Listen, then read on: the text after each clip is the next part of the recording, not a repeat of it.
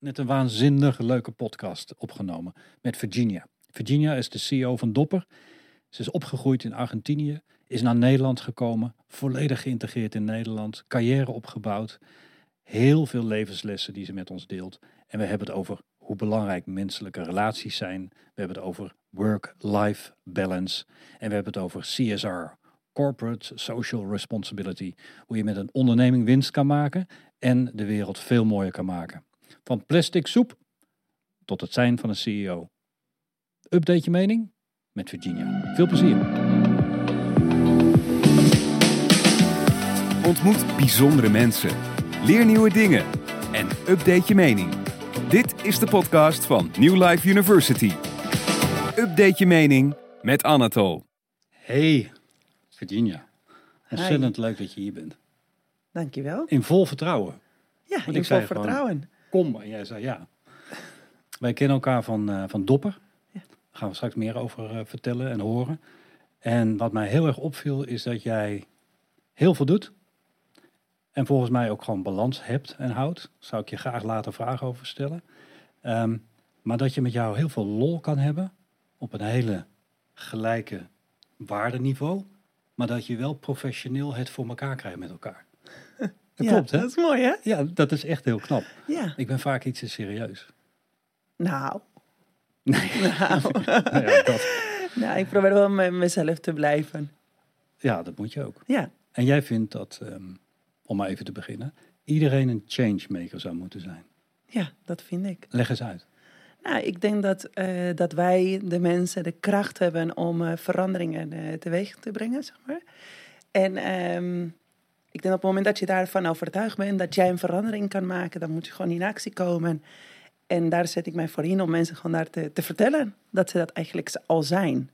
En dat je gewoon alleen maar in actie moet komen om een nieuwe story te schrijven. Maar op een of andere manier had je dat al heel jong. Want ik las, en dat hoorde ik ook toen we kennis maakten, dat je op je dertiende al je druk maakte en last had van het feit dat er mensen in je omgeving waren die niet het schone drinkwater hadden, maar ook niet genoeg eten hadden en die het arm hadden. Ja, dat klopt. Leg eens uit. En, Nou, ik, en, eh, en, en link dat is aan waar je vandaan komt, want ik hoor een accent. Ja, dat klopt. Ik heb een, eh, een accent.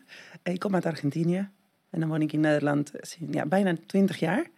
Eh, maar toen ik 13 was, woonde ik in Argentinië. En ik maakte me echt druk over mensen in het zuiden van Argentinië die geen toegang hadden tot water. Maar ook geen kleren en geen onderwijs. En ze woonden best afgelegen. En dat vond ik gewoon een soort van niet terecht. En eh, ik woonde goed en ik had water en ik had eten en kleren. En toen dacht ik, ja, het is gewoon niet eerlijk. En ik was heel jong en ik heb eh, ja, samen met andere vrienden dachten we gaan gewoon iets hiervoor doen. En heb ik de keuze gemaakt om mijn tijd, mijn vrije tijd daaraan te besteden. Maar 13, toen ik 13. 13 was, had ik hele andere dingen waar ik mee bezig was. Ja. Dus dat is best wel jong dat je dan al eigenlijk een betere wereld wil creëren. Ja, dat vond ik toen echt heel belangrijk. Was ik best fanatiek in. En dan kwam ik thuis en dan kon ik niet hebben als iemand niet zijn bord gewoon leeg had gegeten. En, en dan ging ik daar echt een punt maken. En, of niet te veel spullen kopen. En ja, dan was ik echt een soort van mini-activist in mijn huis. Toen al. toen al. Haar met mijn, en mijn moeder. Maar eh, nou, ze konden het wel begrijpen, want ik kon het wel uitleggen waarom ik dat allemaal eh, belangrijk vond. En dat vonden zij ook. Alleen ja, van het vinden of het lezen in de krant. eh, en totdat dat je echt in de trein wil stappen en 33 uur reizen naar het zuiden van Argentinië. En de mensen echt persoonlijk te helpen, vind ik wel een andere stap. Ja. En die stap wilde ik echt maken. En, en nu ben je eindbaas van, van Dopper. Ja. En daar zit heel veel tussen en daar gaan we het allemaal over hebben. Ja. En nu lijkt het nog een beetje alsof ik je interview, maar uiteindelijk gaat het gewoon een gesprek zijn. Oh, oké, fijn. Is dat een groot verschil als je, eh, als je nu terugdenkt aan toen en wat je nu doet? Je hebt nu andere tools, je hebt andere dingen. Maar eigenlijk ben je nog met hetzelfde bezig. Met toch? hetzelfde bezig. En wat is dat precies? Ehm, mezelf echt, eh, die overtuiging die ik heb dat iedereen een changemaker is, echt in actie, echt het doen. En dat heb ik toen ook gedaan. Dus echt de overtuiging, een probleem signaleren of ergens denken van, ah, ik moet me daarvoor inzetten. En het is voor mij niet eerlijk verdeeld of, eh, of er zijn zoveel problemen waar ik denk van, volgens mij, als ik me daarvoor inzet met de juiste mensen, toen ook met een groep vrienden en nu met allemaal professionals, kan je gewoon onwijs veel goede dingen doen die het verschil kunnen maken. Zelfs als, als, als, als een bedrijf zijnde. Zelfs als een bedrijf zijnde. Dus de keuze maak je zelf. Ga je eh, op je dertiende continu stappen of ga je stappen, maar dan ga je ook nog iets goeds doen. Mhm. En ja, dat vond ik wel belangrijk. Maar ja, daar zit best wel tijd tussen, tussen toen en nu. Wat heb je in godesnaam allemaal gedaan? Ja, en hoe kom je in Nederland? Ik weet het al een beetje, maar volgens mij is het leuk eh, Ja. om het te vertellen. Ehm, misschien, eh, nou, toen, toen was ik 13 en eh, ik zat in de middelbare school in Buenos Aires. Daar kom ik vandaan, uit de grote stad. En ehm, ik heb gekozen om journalistiek te studeren. Dat heb ik gedaan, ook uit de overtuiging van dat ik wilde echte, echte verhalen schrijven. Over wat ik zag, wat er allemaal gebeurde in de wereld. Daarvoor, daarom heb ik het eh, voor gekozen en heb ik vijf jaar eh, als journalist gewerkt. En toen eh, was ik op vakantie in Nederland, kwam ik hier op bezoek naar mijn zus, die woonde hier in Nederland. En ik werd verliefd in Amsterdam Op een Hollander. op een Hollander. ja, nou heb ik hem niet zo heel vaak gezien toen. Maar ik was best... nu wel. Ja, nu wel. En toen kwam ik terug en toen zei ik, ja, dit is gewoon... This is the one. Mhm. En ben ik teruggekomen en, en ik had mijn baan daar als journalist. En ik schreef voor een tijdschrift. En iedereen dacht, je bent gewoon gek geworden. Dit is gewoon echt heel ver weg. Toedeledokie Ja, en, eh, precies. naar Nederland. Is een summer love. En ik zei, nee, nee, dit is geen, geen summer love. En toen eh, samen de keuze gemaakt. Hij is daar gekomen en na verschillende bezoeken. En dan, toen besloten om hier te komen. Mega avontuur. Om naar Nederland te verhuizen met vijf dozen en twee koffers. En Hoe oud was je? oud was je? ja, ik was toen 23. Wow. Ja, dat is echt heel lang Wow. geleden. Nou, dat zeg ik niet. Het is heel kort geleden, Nou, maar je was jong. toen Ja, ik was heel jong, maar ik wist het. En toen dacht ik, ja, als ik dit niet Mhm. doe en, en hij, is het, ja, hij is het, dan, dan ga ik nooit meer verliefd worden. Ik ga het gewoon doen. Wauw. Ja, dat vond ik wel echt een avontuur. Als ik nu terugkijk, denk ik, jezus, wat heb ik allemaal gedaan? Ja, Ja, was ook heel verdriet ook van eh, mijn vrienden en mijn ouders. maar je moest van je hart. Ja, ik, ik, ik voelde het gewoon. Dat kon gewoon niet anders. Aha. Dat heb ik gewoon gedaan. Wauw. En Ja. over gevoel gesproken, dat is wel een beetje anders in Nederland, hè? Ja, Echt. ja dat is wel even anders. Familiebanden. En Ja. eh, ik ben zelf halve Oekraïner Ja. en half Nederlander. En ik zie ook een verschil. Ja, Wel hier geboren en getogen. Maar de Oekraïners hebben andere familiebanden. En volgens mij is het bij jou ook zo. ja, mijn familie is onwijs close. Dus dit was echt van... Maar betekent dat dat de Nederlander dat dan niet goed doet? Of doet hij het anders? Nee, ik, dat zeg ik niet. Want Mhm. ik denk dat de banden eh, zijn in mijn ogen net zo sterk. Alleen ik vind dat in Zuid-Amerika... Ja, wij zien elkaar gewoon heel veel. Wij zijn gewoon een soort van groep die zich verplaatst als groep. Dus als, wij, als ik daar kom, zijn wij continu met elkaar. Aha. En wij zien elkaar heel veel. Wij bellen elke dag. Ja, het is gewoon heel anders. Toen ik hier kwam, vroeg aan mijn man... Heb je je moeder gebeld? Ja, eh, ja vorige week. Nou, vorige week? Wat vorige week? Je moet nu Ja, bellen. dat klinkt bekend. Ja, het is gewoon heel anders. Ja. Maar ik, ik vind het niet... In het begin ben je alleen maar aan het oordelen. Ik had overal een mening over. Mhm. En nu denk ik, nee, het is juist een rijkdom dat ik dit allemaal weet. En dat ik op een andere manier ben opgevoed. En dit heb ik gewoon nu ook mee. Is dat een aanvulling? Zeker. Ik weet nu dat er zoveel verschillende manieren zijn om gelukkig te zijn. Er is er niet één manier. Mijn jeugd was superleuk. En, maar die van de Nederlanders is ook superleuk. En ik zei in het begin, ja, ik speelde vroeger buiten, want het is altijd warm. Hij zei, ja, ik speelde ook buiten. In de sneeuw, of was ook soms warm. Ja. In de regen. En wat Probably. denk je dan? Ja, probably. In de regen. Toen kwamen jullie erachter dat jullie alle twee speelden. Ja. mooi. Ja, maar het is mooi om te zien. En dit is een voorbeeld over het weer. Ja. Dat is niet zo belangrijk. Maar Mhm. wat wel belangrijk is, is dat je leert dat er verschillende manieren zijn om te zijn en om gelukkig te zijn. Kun en je- dat heb ik echt ontdekt. Ja, ja, ja. Als, je daar, als ik daar was gebleven, was dat mijn wereld. En ik had nooit geweten dat op een andere manier ook superleuk is om te groeien en, en om te wonen. Mhm. Nou, als je natuurlijk ook veel cultuur hebt gezien en zelf in twee culturen woont eigenlijk, Ja, krijg je dan ook niet meer, dat heb ik vaak, dat, dat, dat ik dan niet echt meer kan discussiëren met mensen. Omdat ik vind als iemand een mening heeft, nou prima, dan heeft hij een mening. ja, Ik zie niet echt meer het nut in van discussie. Heb je dat ook? of ja, niet? dat heb ik ook. Ja, in het begin niet. Hè. Ik moet zeggen, in het begin was ik alleen maar aan het zeggen, nee, want in Argentinië is ja het je was aan het oordelen. Aan oordelen, continu. En nu helemaal niet. Nu kan ik juist alle verschillen in hun waarde laten. Dus dat heb ik wel geleerd. Dat vind ik echt een cadeau. Ja, hè? Ja, vind ik echt een cadeau. En nu met het opvoeden van kinderen vind ik wel weer een nieuwe fase waar je heel veel dingen leert. Mhm. Hoe doen ze het hier? Hoe gaat het? Ehm, Maar dan krijg je natuurlijk ook. ik krijg een nieuwe fase. Maar vind ik echt heel mooi. Ik vind het heel mooi om het te ervaren en om te zien, oh je denkt anders en ik denk ook. En dan komt iets heel moois samen. Exact. Exact, dat, is gewoon... eh, Wat daaronder ligt is respect dus. Ja. Is dat respect makkelijker op te brengen als je meerdere culturen hebt gezien of kent? Dat heb ik bij mezelf gemerkt. Omdat, een klein voorbeeld. Ik ben opgevoed met het idee dat als je met elkaar praat, dat je elkaar onderbreekt. Dat doet een Oekraïne. Dus telkens interrumperen.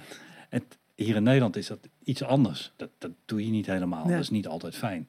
Maar een Oekraïner bedoelt daarmee, ik ben betrokken bij jouw gesprek. Ja. Maar daar moest ik heel erg aan wennen. Want thuis werd alleen maar geïnterrumpeerd. En daarbuiten deed ik hetzelfde. Maar werkte dat niet goed, Nee. omdat het mensen irriteerde. ja, Nou vind ik het cool dat ik het alle twee weet. Ja. Maar het heeft mij veel minder oordelend gemaakt. Ja. Dat herken je. ja. Ik had het met mensen en aan mensen, mensen aanraken. In Argentinië, als je iemand ziet op je werk komt, dan geef je één kus aan iedereen. Ook die je niet kent. Ja, Mhm. ja mensen die je niet kent. Mhm. En de eerste keer gewoon zo'n hand super hard. dat ik dacht, oh ja, je wil echt een kus. Je, Dat is even- gewoon normaal. gewoon normaal. En ehm, ja, dat, dat soort dingen, gewoon, daar moet je even aan wennen. Dat gaat wel even anders. Ja, ja dat is, een hand is heel anders dan eh, een kus van, eh, of, een, of een knuffel. of. Ja, of, of aan mensen aanraken. Dat deed ik omdat gewoon eh, warmte. Gewoon, Maar kom je dan niet dichter bij iemand? Als je iemand aanraakt? nou, nu denk ik van niet. Denk ik dat je het op zoveel verschillende manieren kan doen. Want ik heb, ik heb wel het- soms het idee dat als, als je die fysieke barrière hebt, hebt eh, doorbroken, dat je, dat je makkelijker kan samenwerken of zo met mensen. Is dat niet zo? Ja, dat weet ik niet. Ik merk hier dat de relaties, dat duurt misschien iets langer om ze echt super warm op te bouwen. Om mooie vriendschappen Mhm. of samenwerking. Maar als ze er zijn, Dan zijn ze er. dan zijn ze er. Ja, ja. En dan gaan ze niet kapot.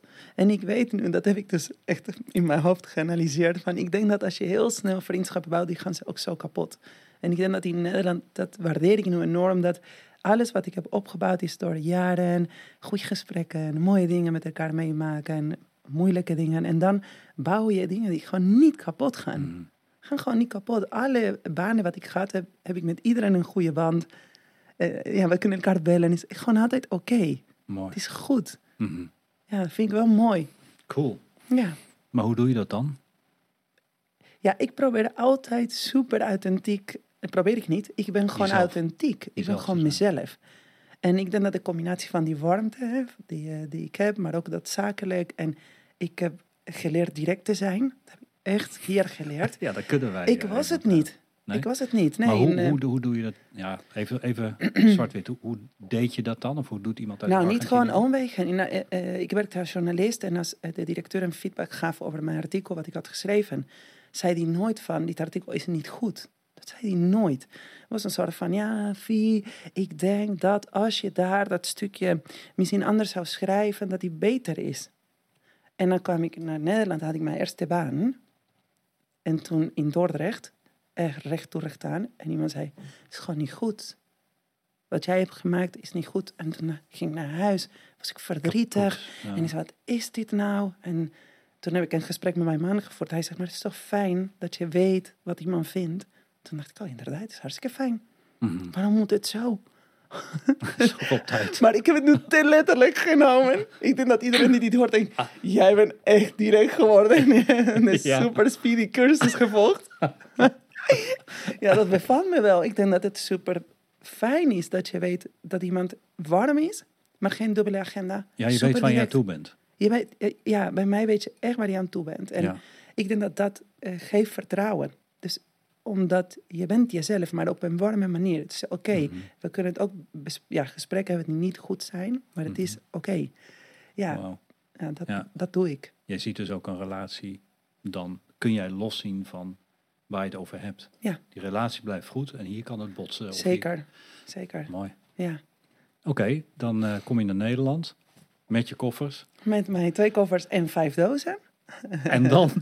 Ja, en toen ehm, hadden wij eh, thuis gesproken, want ik had een baan en ik had mijn eigen inkomen. En toen dacht ik, ah, dat vind ik wel moeilijk om nu eh, ja, geen geld te verdienen en afhankelijk te zijn van iemand die ik eigenlijk een paar maanden kende. Weet je? Dus ik dacht van, nou, wat gaan we dan doen? En hij was super eerlijk en die zei, ik heb het gevoel dat als jij in de communicatie of ehm, journalistiek eh, heb gewerkt en wil werken, dat het beste wat je kan doen is de taal goed leren.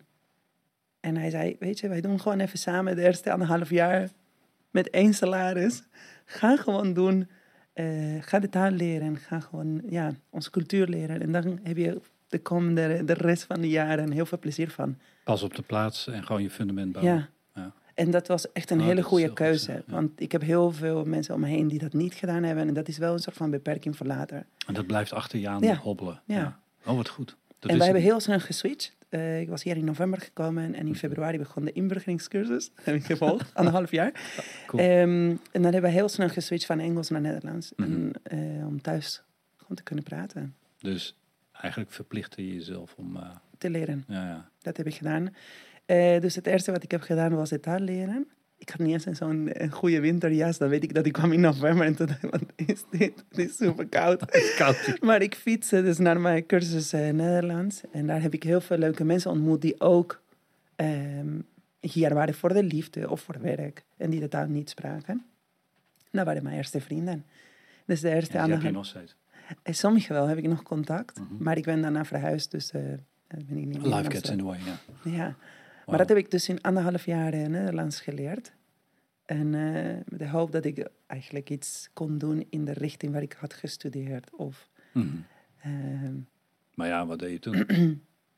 ik was journalist in Argentinië en maar wat deed je toen in Nederland? Toen je na die anderhalf jaar een beetje ingeburgerd was? nou, ik dacht ik ga nu solliciteren als journalist. En ik kreeg dus, eh, in die tijd was niet online Elke alleen dag. maar zoeken. Maar Mhm. ik kreeg dus, ik kocht de krant op zaterdag, waar alle vacatures. En toen eh, solliciteerde ik voor journalist of voor communicatiefuncties. En ik kreeg elke keer, ja, je, je bent niet Nederlands, je bent niet... eh, het is niet je moedertaal, dus het wordt gewoon heel moeilijk. Echt heel veel brieven, elke keer in de brieven. Dus toen dacht ik, ja, misschien is dat wel gewoon waar. En misschien kan ik dus echt niet meer zo mooi schrijven met al die finesses van een taal in een andere taal. Ging je, ging je twijfelen? Nee, ik dacht dat dat wel waar was. Ik dacht niet, ik denk dat ze gelijk hebben en dat je gewoon goed kan schrijven, maar nooit meer zo mooi als, als het was. Toen dacht ik, nou, misschien, wat, eh, ik ga even kijken van waar ben ik dus heel go- goed in of kan ik eh, mezelf ontwikkelen. En ik heb eh, gesolliciteerd voor een functie, eigenlijk totaal iets anders. Om gewoon in gesprek te komen. Ik dacht, ik ga gewoon iets doen. En solliciteerde ik voor een functie als um, helpdesk-medewerker in het Spaans bij Trust in Dordrecht. eh, computeraccessoires. En toen werd ik gebeld en ik had de, de bus, de trein, dan de bus en heel lang lopen, maar ik was daar, best lang reis. En toen zie, zit ik daar, toen zie ik een vacature op tafel en er stond eh, PR-medewerker Zuid-Europa. Toen dacht ik, ik kwam hier voor een andere functie. Ik werd helemaal gewoon blind. Ik weet niet hoe dat gesprek is gelopen. maar ik heb nergens over gehad over voorwaarden of wat dan ook. Ik was gewoon in heaven. Ik dacht, wauw.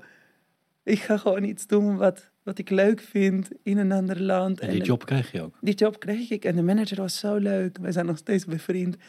En toen dacht ik, dit is wauw. Maar waarom lukt het jou dan wel en, en een ander Ik weet niet? niet, het was zo'n goed gesprek. En ik had dus die achtergrond als journalist. En Mhm. zij wilde dus iemand die PR deed voor Spanje en Portugal en Italië. En ik kende dus de andere kant, dus de journalistiek, journalistieke kant.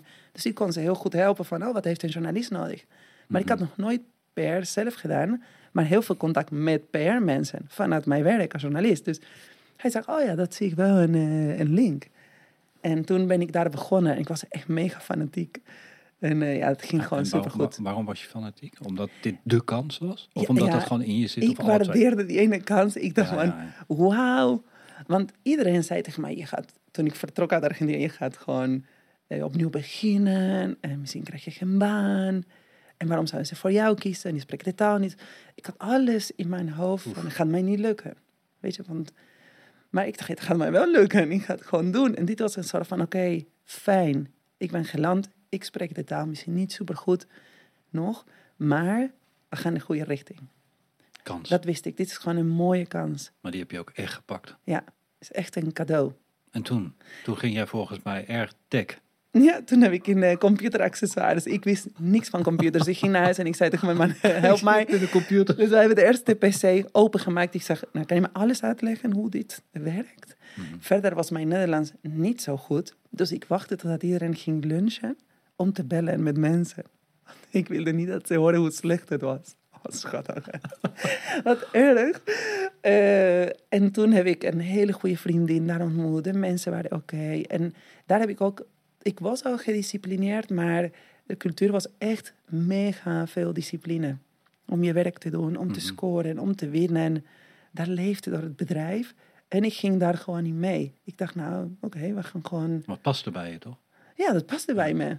Ja, ik vond wel gewoon, wauw, het is best heftig eh, gedisciplineerd. En op de, ja, een doel, het doel was gewoon super duidelijk. We gaan dat doen. Ben je een doorzetter? Ja, mega.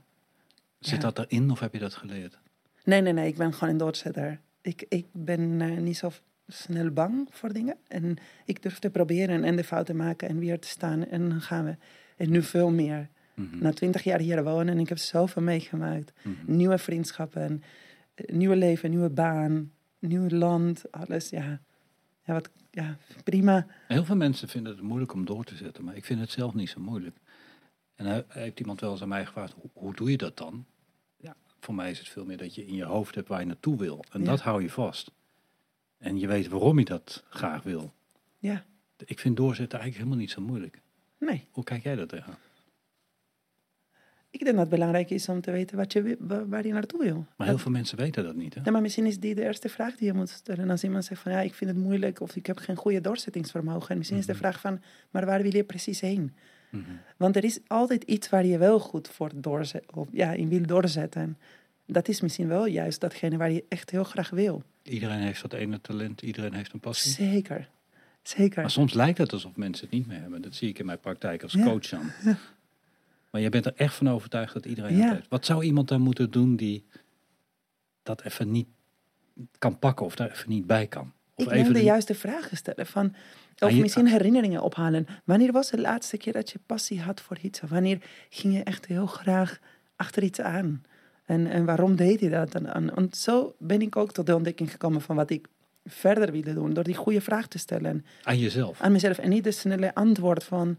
Oh ja, ik deed dat omdat... een- Echt iets snelle, snelle oppervlakkige antwoord. Maar wat is het precies? eh, wat, ja, ja, ja, waarom beweeg je in bepaalde richtingen? En dan als je dat ontdekt, van nou, waarom deed ik dat daarvoor? Volgens mij gaat er iets eh, gebeuren. Ja, het moet wel zo werken, want ik vind dat ook niet zo moeilijk. Nee, er zijn gewoon heel veel mensen die, die, die moeite met doorzetten hebben. En eh, ja, maar is het doorzetten niet een beetje eh, negatief? Ja. Voor mij is het soort van, eens. ja, waarom moet je doorzetten? Ja, je, gaat ja. toch, je gaat door met waar je mee bezig bent. Of Ja, je- dat, maar dat is het, je gaat gewoon door. Je gaat Je- door, maar het is niet dat je je moet... Oh, ik ga het doorzetten. Alsof het...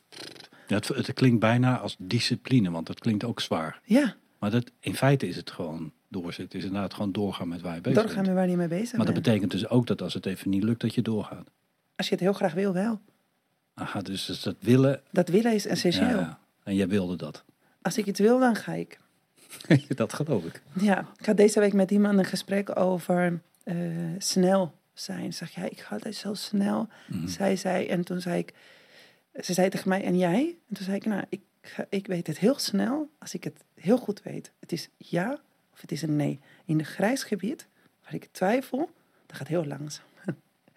Daar beweeg ik van links naar rechts. En dat is niet een heel groot gebied, hè, voor mij. Oh, maar als ik het heel goed weet, dan ga ik. Weet je, dat is gewoon daar, dat zie je in alles. Mhm. En, eh, en als ik het niet weet is, of niet wil, is ook nee. Er zit niet zoveel twijfel. Het is een klein stukje en daar ga ik heel langzaam in bewegen. En dan weet je eigenlijk al, dat is misschien... Eh, Ja, oh, ik dit, weet is, dit niet. schrijf, beschrijf je mooi. Zo heb ik het nooit gezien. Dat heb ik ook. Ja, ja maar ze heel zei- snel ja, heel snel nee. Maar er zijn ook dingen waar ik echt hopeloos uitstel. Ja, ja, en daar weet ik dat is eh, omdat er zit soms dicht bij je principes en je gevoelens en je voelt iets, maar eigenlijk klopt het niet. Of, eh, en daar kan ik echt super langzaam zijn en, en, en niet beslissen. En dan weet je het eigenlijk al. Dan Ja, weet je eigenlijk al dat dat... dat het niet goed is. Nee, maar ik goed- forceer naar de, naar de goede kant. Maar eigenlijk weet ik dat het niet goed is. Maar daar, kan ik, daar neem ik dus niet echt gelijk bam. Ja. Maar, Maar dat- het is een klein gebied, gelukkig, die grijze. Ja, maar ik heb het nog nooit iemand zo horen beschrijven. Thanks. Hmm. Want dat klopt. Ik, ik baalde, baal dan soms eens van dingen waar ik dan niet in, in snel in beweeg. Wat wil je eigenlijk? Ja, wat wil je Wat eigenlijk? wil je Maar eigenlijk? weet je het al. Nee, ja. Beslis dan. Ja. ja. En toen? En toen zat je in tech. Ja, toen, En toen heb je het- carrière gemaakt. Want Ja. als je zo'n ambitie hebt, dan kan niet anders. Nee, dus het ging dus daar supergoed. En ehm, ja, opeens door de organisaties eh, moesten heel veel mensen van mijn team ehm, eh, weg. En toen bleef ik met nog iemand. Dat vond ik gewoon niet meer zo leuk. Ik vond het echt met het team gaaf om die mooie resultaten te behalen. Deden wij ook sponsoring van Formule 1. En de mooie producten op de markt zetten. Nou, ik vond het mooi. Ik had heel Mhm. veel geleerd. Mhm. Heel eh, gedisciplineerd. En een bedrijf die gewoon voor het doel eh, ging. En toen en werd ik gebeld door degene die mij die eerste baan had gegeven van die PR-functie. Wil je niet met mij mee? Ga ergens anders werken? Toen zijn wij samen gegaan. Ook in tech, Ook ik. in tech. Mhm. Maar daar heb ik dus ehm een jaar eh, ben ik daar gebleven. En dit is dus echt voor mij een superbelangrijk punt geweest. Omdat, waarom? Want ik meestal ben ik super stabiel. Ik was in Argentinië vijf jaar journalist. Bij Trust heb ik ook vijf jaar gezeten. En toen hier één jaar. Toen dacht ik, ja, waarom was ik zo? Dat wist ik gewoon, dit is dus niet goed. Mhm. Nou, dat was gewoon een salesgedreven organisatie. En dat is voor mij niet voldoende. Betekent dat je iets miste? Ja, het, het was gewoon niet... eh, het was echt super sa- salesgedreven. En voor mij is dat alleen maar dat verkopen. Dat het enige doel wat je hebt als bedrijf is omzet maken. Ja, voor mij was het een soort van... Als, als, want ik zat daar in marketing en communicatie. Toen dacht ik, ja, maar er is toch veel meer. En wat willen wij neerzetten? Waarom doen wij dit?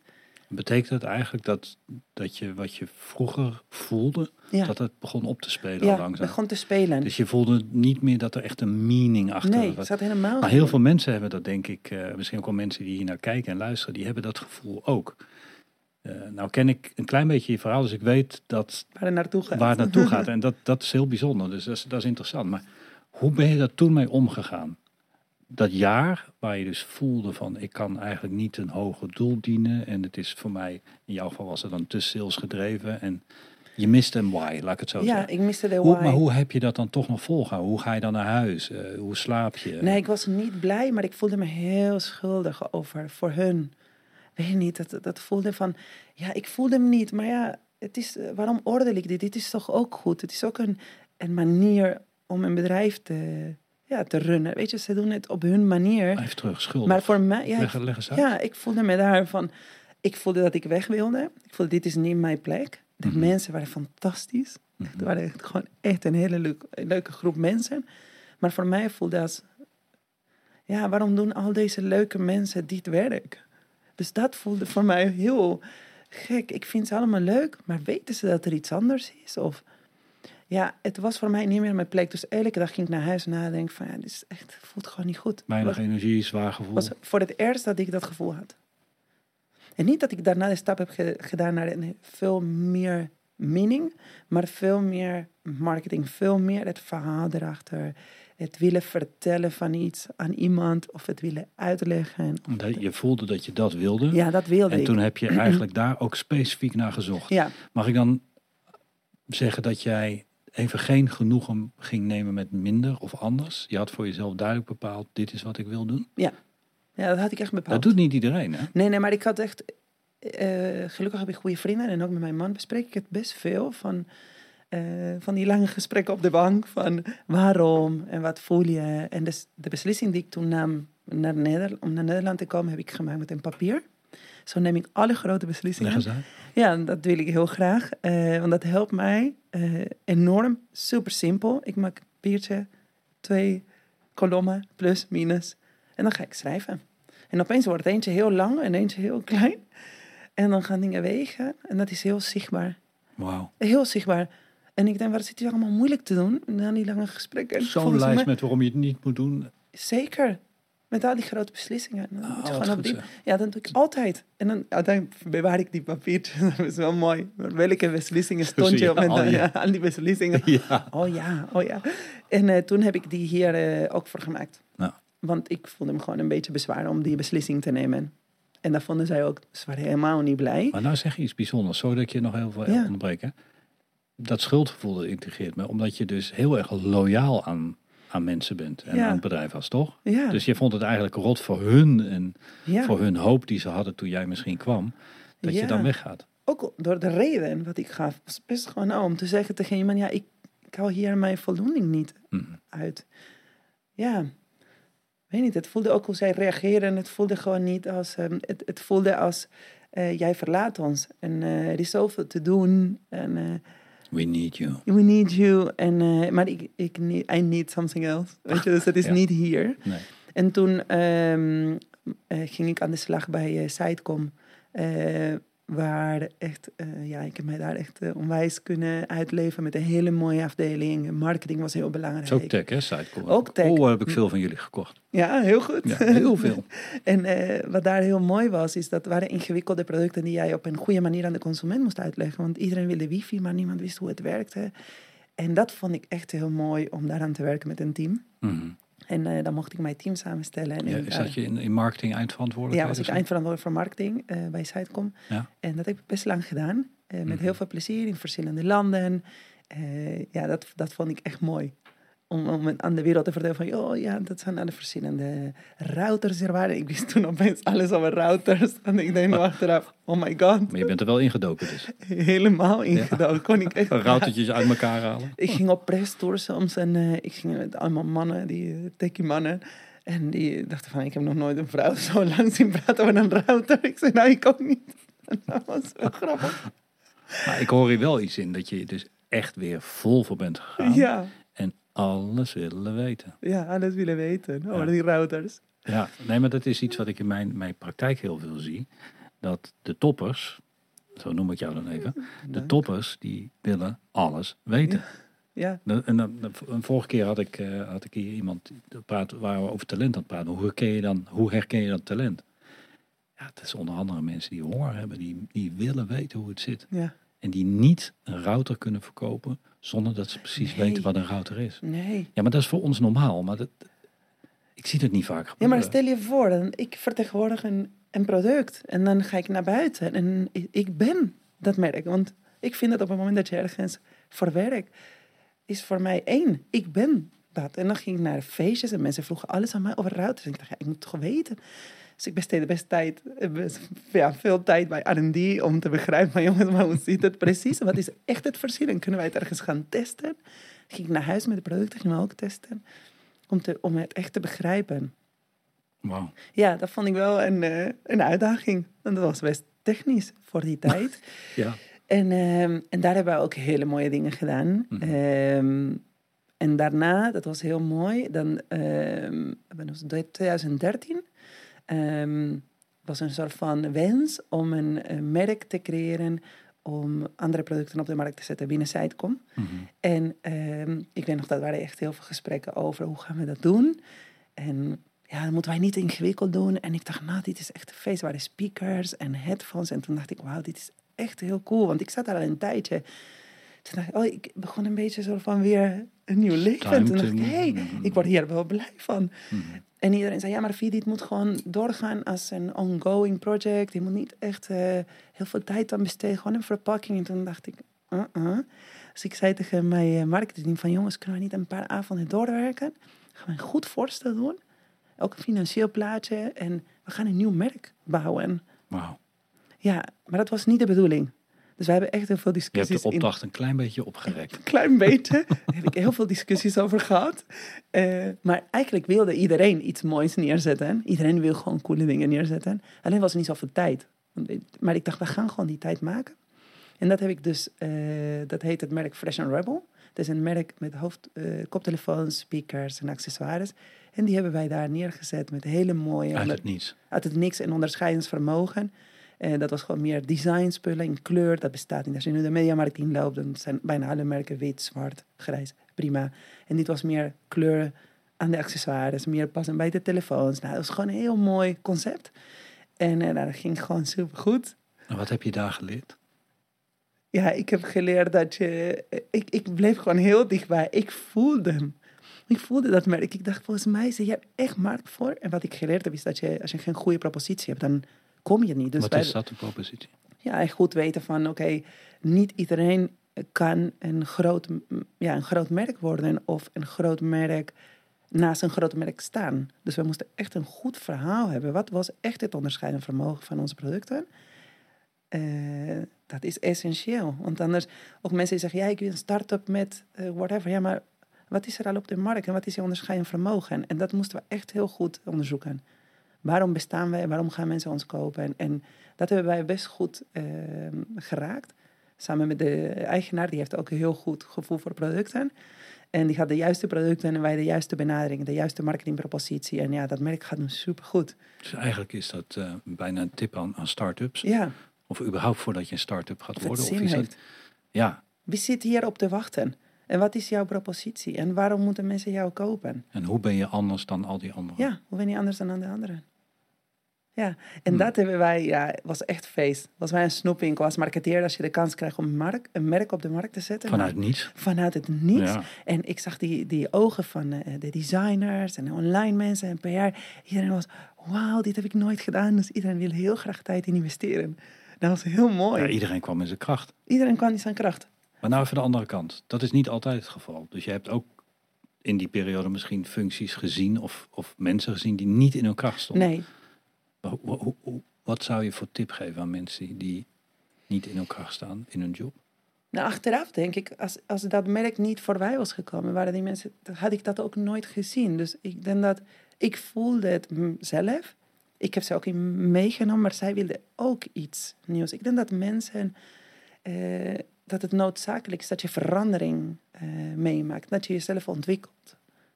En eh, nu heb ik dat wel geleerd dat het essentieel is voor geluk. Dat je, nu dat ik dat weet, eh, met, mijn, met mijn rol nu, weet ik dat, dat je wel moet veranderen.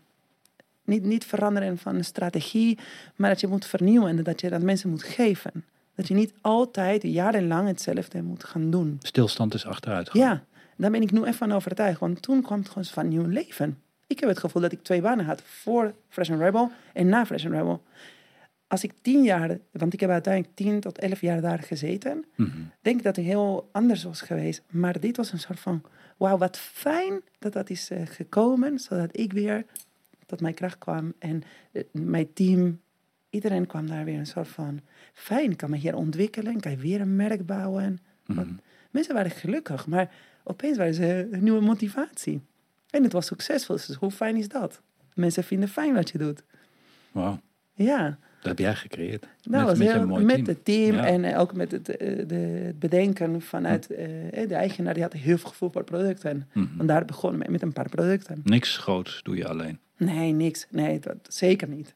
En toen? Toen ging je En- naar het buitenland. Heel, ik. veel, heel veel naar het buitenland. met de producten, met presentaties. En dat deden wij heel veel zelf. Mhm. Dus ik was daar de commercieel directeur van dit merk. Dus niet meer met site, maar ik ging me alleen maar hierop richten. Mhm. En eh, heb ik heel veel reizen meegemaakt. Hoe, hoe oud was je toen? Pak ja, beet. dat is... 35 of ehm, zo? eh, nou ja, ik denk 37. 37. Even een sidestep.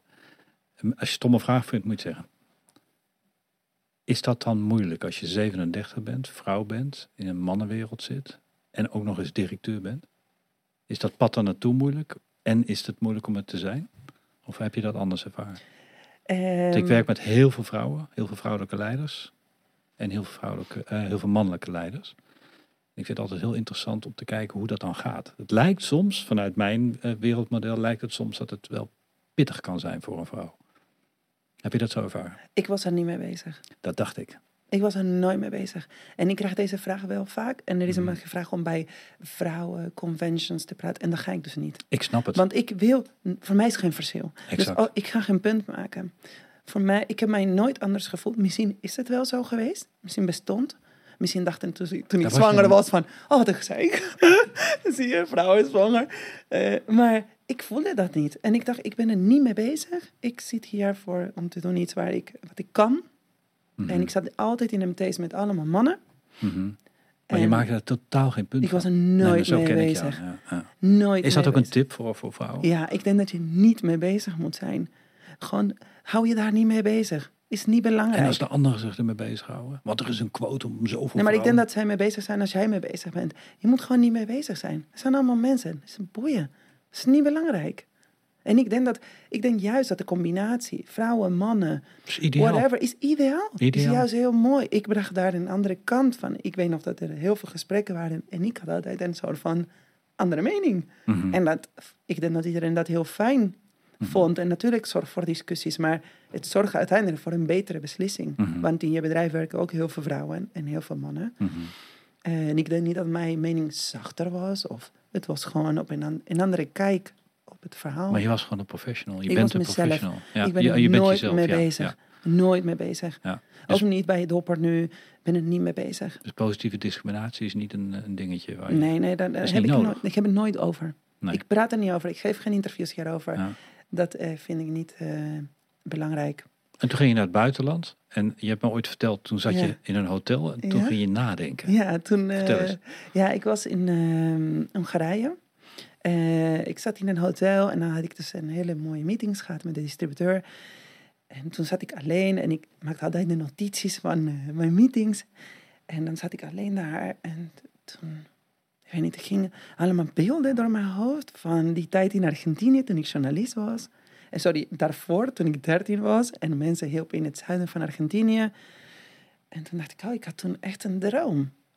En dat was een droom, was om een betere wereld te, te hebben met elkaar. En toen geloofde ik dat ik het verschil kon maken.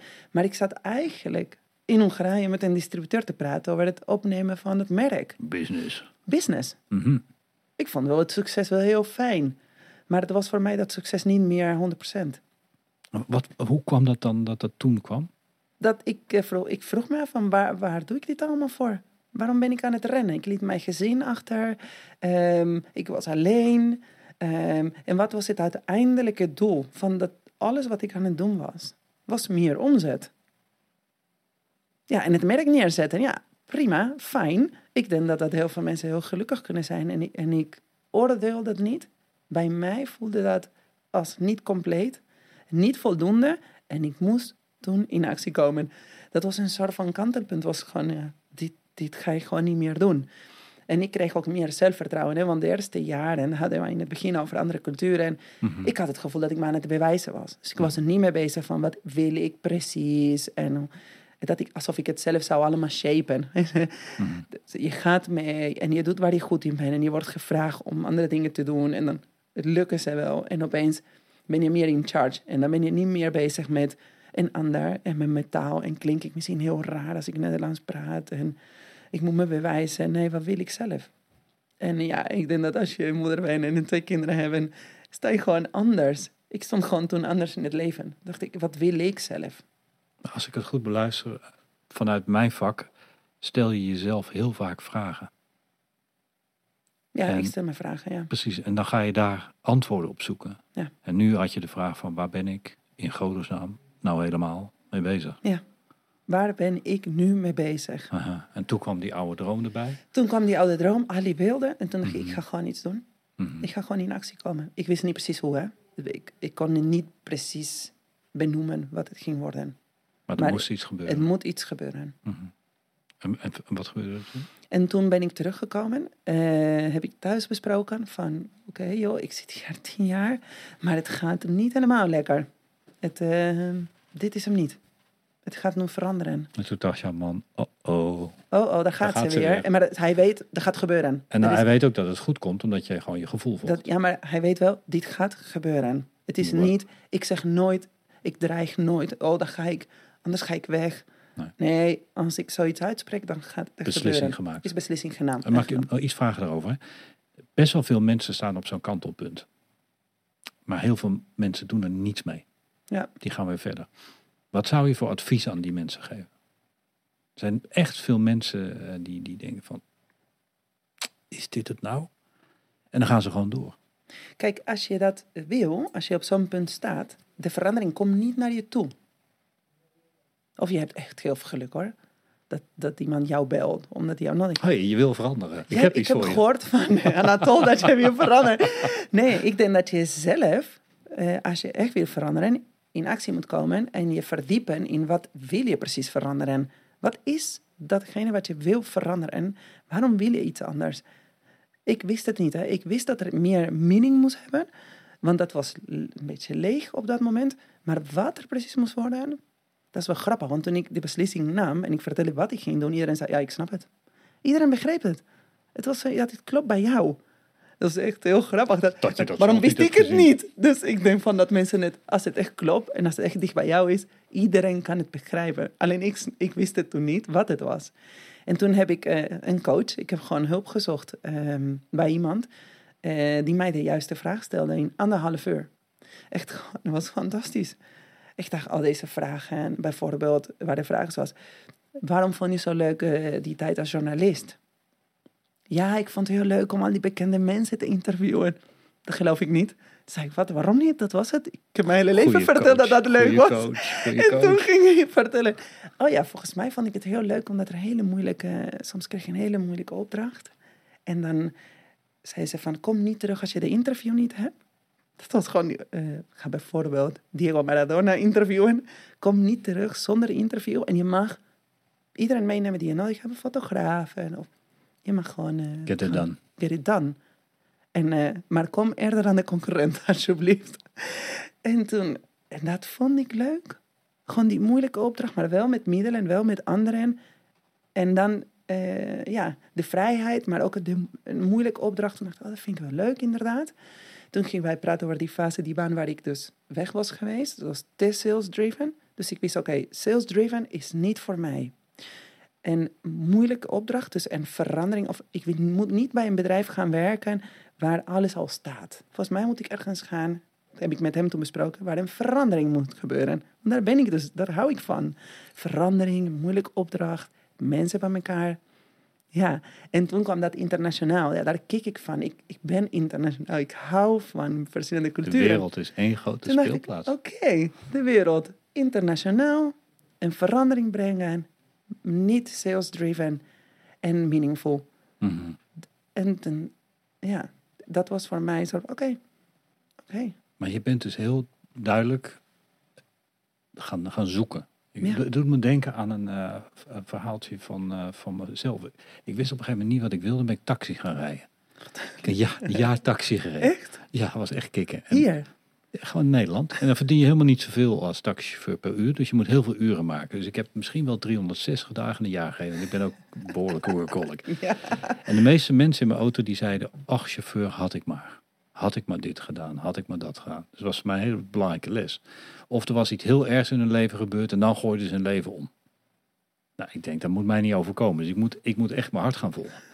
Maar wat mij wel opviel, is dat ik mijn best deed om de meeste ritten te rijden. Ik zat, zat in boeken te lezen hoe die auto precies werkte. Als de auto moet worden schoongemaakt, dan ging ik echt tot het gaatje, tot, tot, tot alles Ja, ja. schoonmaken. En ik wilde alles weten. Ik vroeg aan de beste eh, taxichauffeurs die de, die de minste schade hadden.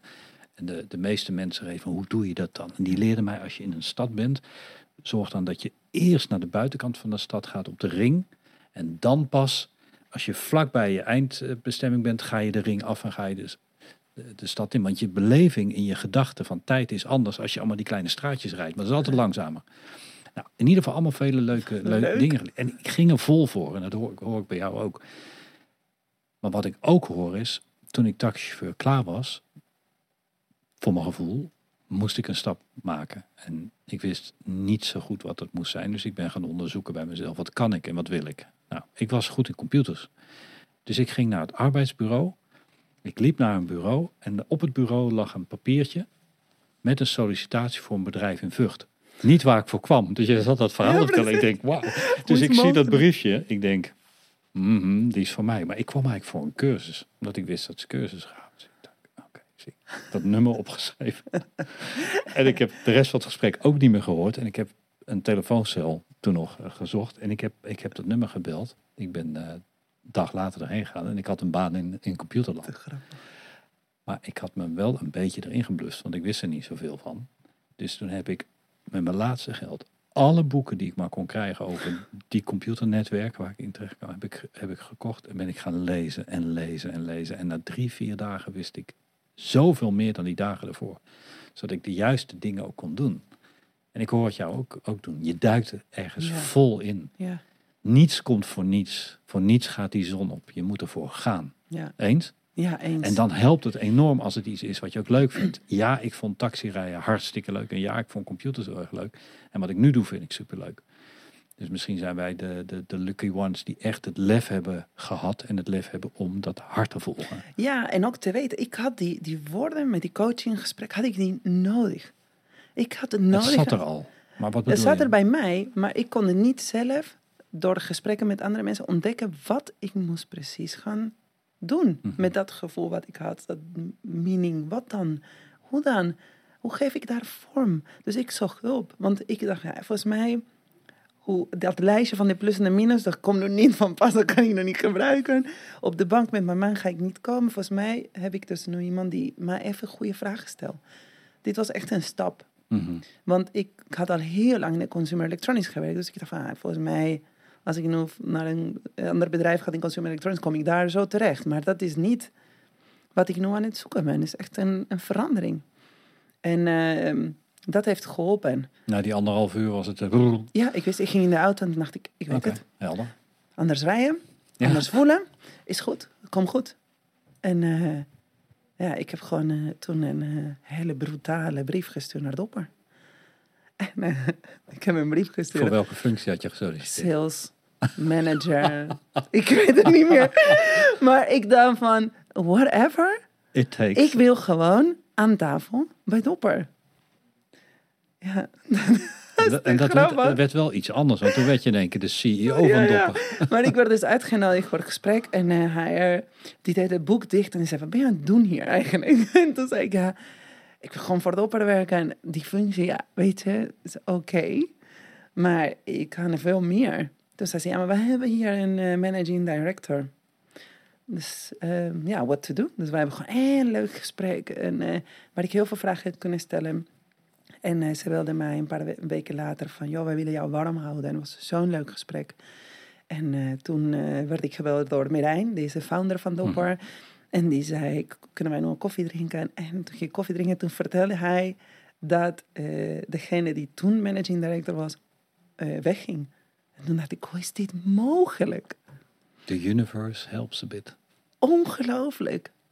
Ja, ik kon bijna niet geloven wat daar gebeurde. En toen is een heel traject natuurlijk gegaan hè, met assessment en heel veel interviews. Dus het was niet van, oh, we hebben jou zomaar ontmoet en eh, kom maar op. Maar dat was, eh, ja, ik dacht, dit is gewoon meant to be. Ja, Mhm. en nou, dan ga ik er helemaal eh, voor. Ja, dit, ik wilde gewoon voor de opper werken. Dus was niet, ik heb dus niks meer gedaan dan dit. Dit was wat ik wilde. En waarom? Waarom ik dat zo graag wilde, is omdat de link met water. Ik heb mij onwijs in verdiept. Ik denk dat ik een van de eerste doppers heb gekocht toen bij Loods 5, toen ze echt kwamen op de markt kwamen. Ik heb dus echt de original blue. Heb ik eh, thuis. En eh, ik heb gewoon in verdiept. Ik heb altijd dopper gevolgd op LinkedIn en op social. En ik dacht, wat gaaf wat die man heeft Ah, bedacht. Jeetje, hij heeft het echt gedaan. Hij heeft iets bedacht. En om de wereld beter te maken, maar hij heeft een product, een commercieel pro- een product, eh, waarmee je iets goeds kan doen voor de wereld. Hoe fijn is dat? En dan, ja, en het heeft voor, voor mij onwijs veel te maken met water. Want Dopper heeft ook projecten in Nepal waar mensen worden geholpen aan toegang tot schoon drinkwater. Toen dacht ik, ja, dit, is, dit zou fantastisch zijn als ik hier mijn kracht als, eh, hè, wat ik had meegenomen van mijn ervaring. Dan had ik al in de twintig jaar ervaring. Maar ook mijn gevoel. Helemaal kan hier erin. Dit is de beste baan die ik kan krijgen. Dat voelde zo. Dus ik Eigenlijk dacht, had je hem al voor je gevoel, toch? ja, maar dat was niet zo. Want er was iemand anders in de race. En toen er waren nog meer mensen in de race. Dus ik dacht, nee, nee, nee, dit moet ik hebben. En toen? Ja, en toen, ehm, ik weet nog dat ik een gesprek had. En degene die voor mij was, liep naar buiten. En toen dacht ik, zij is het geworden. Zij is het geworden. En ik struikelde toen ik naar binnen ging in die ruimte. Letterlijk? Ja, letterlijk. maar iedereen vond het gewoon een soort van leuk. En eh, ik dacht, nou, oké, ik met die gedachte van zij is er. dacht ik, nu moet ik echt, echt mijn best doen. En ik weet niet waarom ik dacht dat zij er was. De manier hoe zij liep, zo zelfverzekerd. Toen dacht ik, oh nee, nee, nee, nee, nee. Ga ik ook doen.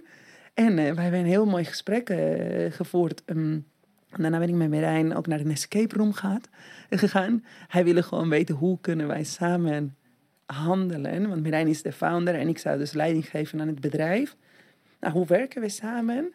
Wauw. Ja, was heel mooi. Ik was nog nooit bij een escape room. eh, Gewoon zo'n game escape ja, room. serieus, met z'n tweeën. maar ik dacht van, dit is de slechtste. Wat, want hij wilde iets leuks doen om elkaar beter te leren kennen. En toen dacht ik, misschien iets met sport, want daar ben ik wel goed in. maar hij is ook goed in sport. Dus dacht ik, hmm, oké. En toen werd ik wel van, jullie gaan samen naar een escape room. En ik balen. Ik dacht, nee, hier kan ik niet laten zien wat ik kan. Toen ging ik onderzoek doen bij mijn vrienden. Hoe moet je gedragen bij een escape room? Zie je wel, je duikt er vol in. ja, ja. Ik wilde weten. En iedereen, ik ging echt bij verschillende mensen vragen. En die zeiden van, wat je niet moet doen, is gewoon als een kip zonder kop gaan rennen. Eerst alle opdrachten verzamelen, verdeel de ruimte. Nou, toen ging ik helemaal met een strategie. Dus ik ging naar binnen en hij zegt, nou, we gaan beginnen. Toen zei ik, weet je wat handig is? Wij verdelen de ruimte. Oh. Ja, ja, mooi hè? Ja, maar ja, Volledig. ja, was een opdracht. Ja, en nee, nee, het was supergoed. Was heel mooi, een mooie samenwerking. En eh, ja, uiteindelijk is dit dus 2,5 jaar geleden... eh, eh, hebben wij daarop geproost dat dat geworden was. En voor een supermooi merk. Niet normaal. Ja, ik praat er nog steeds met zoveel trots. Ja, nee, dat- Eh, dat merk ik ben zo blij dat dit gewoon eh, geworden is. En eh, het lijkt alsof die hele pad voor 2017 Mhm. was meant to be. Ik, ik eh, kijk terug als alles moest zijn. Ik kijk nooit terug van, oh, waarom heb ik daar zo lang gezeten? En had ik dit eerder moeten doen? Dat denk ik nooit. Ik denk, als je niet die- dat pad bewandelt, dan weet je het ook niet wat je wil. Heb je die ervaring niet mee? Eh, ja, nu weet ik het. Het is een optelsom. Het is een optelsom. En, En maakt het dan eigenlijk niks uit wat er allemaal gebeurd is? Het moet allemaal zo zijn? het moest zo zijn, maar ik denk dat je elke stap moet je zorgen dat je de juiste stappen eh, eh, zet. Het maakt op zich niet uit, maar de, die ervaring heb ik meegenomen. Ik heb geprobeerd eh, de mooiste, ja, gewoon veel ervaring op te doen. En elke kans die ik had, toen ik journalist was, oh, wie wil naar New York voor een interview? Ik. En wie wil naar een hele lelijke plek in Argentinië gaan? Om ik. En wie wil... Ja, en toen dacht ik altijd meer ervaringen. Dat wist ik wel van, oh, heel veel meemaken. Dingen meemaken, dan neem ik gewoon mee Mhm. In je rugzak. in mijn rugzak. En eh, dat heb ik dus bij Dopper kunnen meenemen. Dus heel Mhm. veel ervaring in andere gebieden. Mhm. En Dopper heeft niet zoveel aan die consumer electronics, maar die heel, heel veel aan mijn andere skills, wat ik heb opgedaan door dingen op te zetten, dingen te bedenken, mensen bij elkaar, mensen in beweging Dingen die krijgen. misgingen. dingen die Mhm. verandering brengen, ehm, dingen ontdekken, met mensen praten, als journalist interesse hebben in anderen, Mhm. ehm, verschillende culturen. Mhm. Ehm, ook de interesse om een betere wereld, echt oprecht vanuit mijn dertiende. Het is, ik heb het, niet, eh, het is niet nu omdat ik bij Dopper ben. Ik heb het altijd gewild. En al die jaren wist ik niet, dat komt wel. Dat, eh, ik heb het gevoel dat er een, eh, dit was de the way to go. En verhuizen naar een nieuw land. Moet je helemaal opnieuw beginnen. En dan komt weer je droom terug. Wil je eigenlijk... Ja, en dit is mijn pad. En is het, heb, je dan, heb je dan niet ergens het gevoel... eh, things will always work out for the best? Ehm, ja, maar ik denk dat er een stukje dat je zelf iets voor moet doen. Ik denk Ja. niet helemaal dat het vanzelf komt. Als mensen zeggen het komt goed, nou ja, het komt, het goed. Mhm. Natuurlijk, tijd eh, eh, is belangrijk hè, Mhm. om eh, als je verdrietig bent. Ik denk dat dat belangrijk is, maar ik denk dat je zelf een stukje regie moet pakken. Voor mij was het op er nooit gekomen als ik naar die coach niet was geweest. Als ik dat hotel in Hongarije niet was jouw geweest. stappen geweest? Ja, ik heb wel een paar stappen gezet om dat te, te gaan doen. Dus kom, de verandering komt niet vanzelf. Ze hadden mij nooit geweld. Ze wisten niet eens dat ik dit wilde. Ik, ja, hoezo zou zij bij ons komen? En ik heb het zelf moeten doen. En hoe weet je dan welke stappen je moet nemen? Ik eh, denk dat je je dus de juiste vragen aan jezelf moet stellen en heel diep in je hart kijken. Eh, ik heb een keer met iemand gesproken die zei dat je, als je tussen de 13 en je 15, ergens in die leeftijd dat je onwijs zoeken bent, wordt een soort van bepaald wat je echt, echt van binnen, wat je echt wil, wat je belangrijk vindt. Ja, en dat, dat, dat vind ik wel belangrijk. Dat heel veel mensen, als je echt praat nu, denk als ze het echt goed graven, dan komt gewoon iets wat je toen al belangrijk vond. Hè, dat, er- dat komt, volgens mij zit er wel in. Iedereen ziet iets wat je echt heel graag wil. Een wens of iets waar je heel goed in bent, waar je kicks uithaalde. En eh, ja, ik denk dat een stukje echt proberen jezelf te verdiepen. Daarom maak je de goede keuzes. Die kan gaan niet naar je komen. Een stukje verdieping en de tijd voor nemen. Ja, dat wil ik net zeggen. Daar moet je dus tijd voor nemen. Tijd voor nemen. Dan moet, gaan, moet je gaan wandelen, gaan sporten, vakantie, in Alleen liggen, zijn. alleen zijn. Alleen zijn. Maar alleen heel veel mensen zijn, kunnen niet alleen alleen zijn. zijn. Alleen zijn in de auto. Ik kom meestal tot hele goede dingen in de auto. Of een wandeling. Ehm, ja, vooral echt in de auto of in de vliegtuig. Dat vind ik zo fijn. Gewoon een koptelefoon en dan denk ik... Oh ja, ja, zo zit je. Tuurlijk, zo zit het. Mediteer je? Ja, ja. Maar Hoe, hoe doe je dat? Of wat voor meditatie? Ja, ik, eh, met muziek en eh, soms eh, dankbaar zijn voor de dingen die ik heb. En, en de, de dag terughalen. Hoe is het geweest? En ik probeer het stil te staan van waar ik nu sta. En te genieten van het, ja, van het nu. Kan ik Mhm. nu veel beter van dingen genieten. Mhm. En dan probeer ik stil te staan bij... Mijn moeder ging altijd, als ze naar bed ging, ging ze de dag nog eens eh, afspelen. Ja, En dan stelde ze zichzelf de vraag wat ze dan de volgende dag beter kon doen. ja mooi hè? Dat is mooi, ja. Ja, maar de hele dag terughalen is wel heel mooi. Als je denkt van aan die eerste koffie, aan de eerste smaken. Aan de, Wow, zo ver terug. Ja, zo- echt hoe mooi is dat? Ja, maar dan als je echt dat- stilstaat bij, bij smaak, bij gevoel, bij de douche, eh, knuffels eh, met de kinderen of eh, de eerste mensen op kantoor, de mensen jou net lachen maken of de moeilijke meeting. En dan, hè, en hoe is het allemaal? Als je echt terug gaat, denk je, jeetje, dit is mijn leven, want de morgen gaat weer. En wat, oh, heb ik eigenlijk eh, nergens de tijd voor genomen gisteren of vandaag.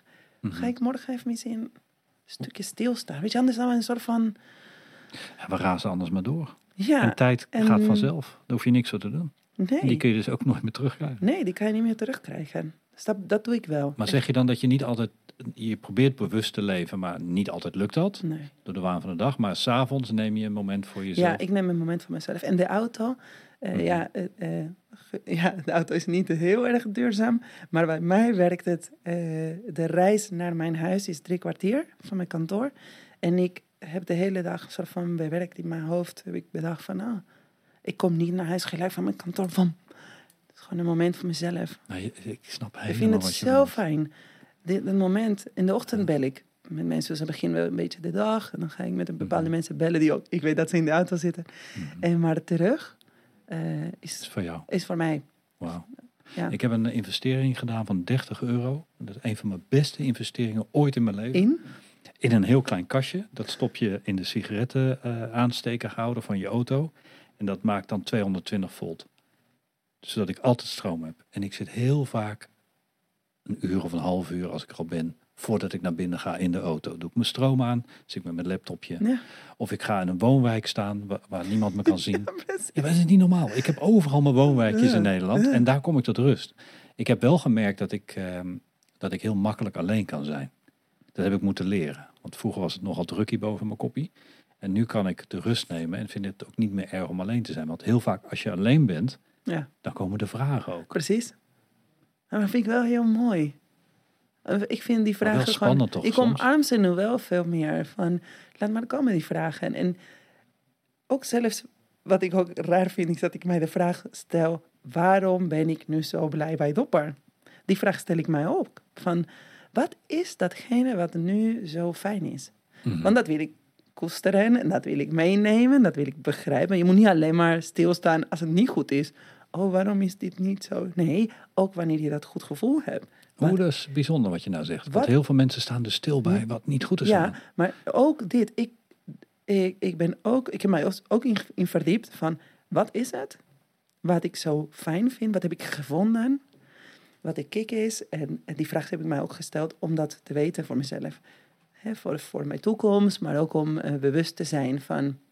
Oh ja, dit vind ik wel heel fijn. Met al deze mensen een grote verandering teweeg te brengen. En hier in actie te komen met elkaar. Met allemaal mensen die dit ook heel graag willen. En, en dat maakt me heel bewust in de keuzes die wij maken als bedrijf. In de keuze van mensen. Ja, in de tijd waar ik in investeer. Ja, heel fijn. En als je dat dan weet, en je hebt die vragen beantwoord gekregen, wat doet dat dan met je?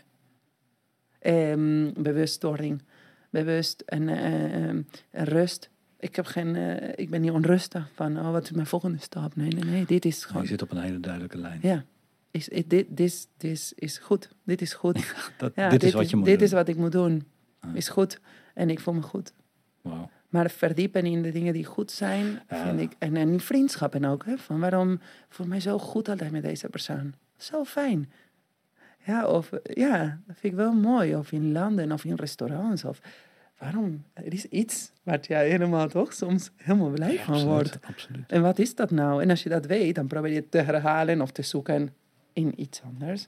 Dus je hebt bijna een heel gebruiksaanwijzingje voor jezelf. Ja, maar je onbewust. Het is niet dat ik de hele dag Nee, het- die ik. vraag aan het stellen ben hoor. Dat snap ik, maar je, hebt, je let wel heel goed op dat je die Ja. tijd die je hebt op deze aardkloot, dat je die zo goed mogelijk Ja, besteedt. ja.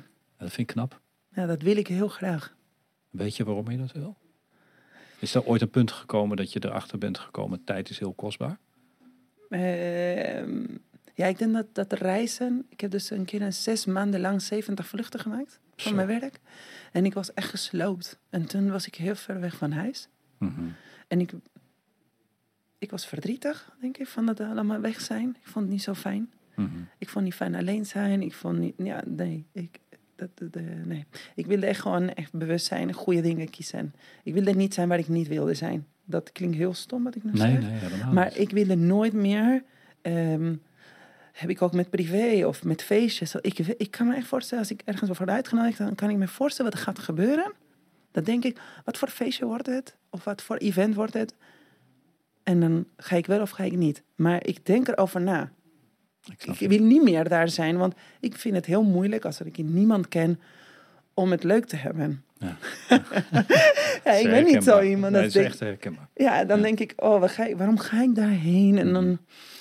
en dan denk ik dan, nee, Mhm. let it go. En dan kan ik nu makkelijker laten gaan. ja. ah, Laat- sociaal klinkt dit, hè? Nee, helemaal niet. Ja. Nee, juist in, in mijn oren helemaal niet.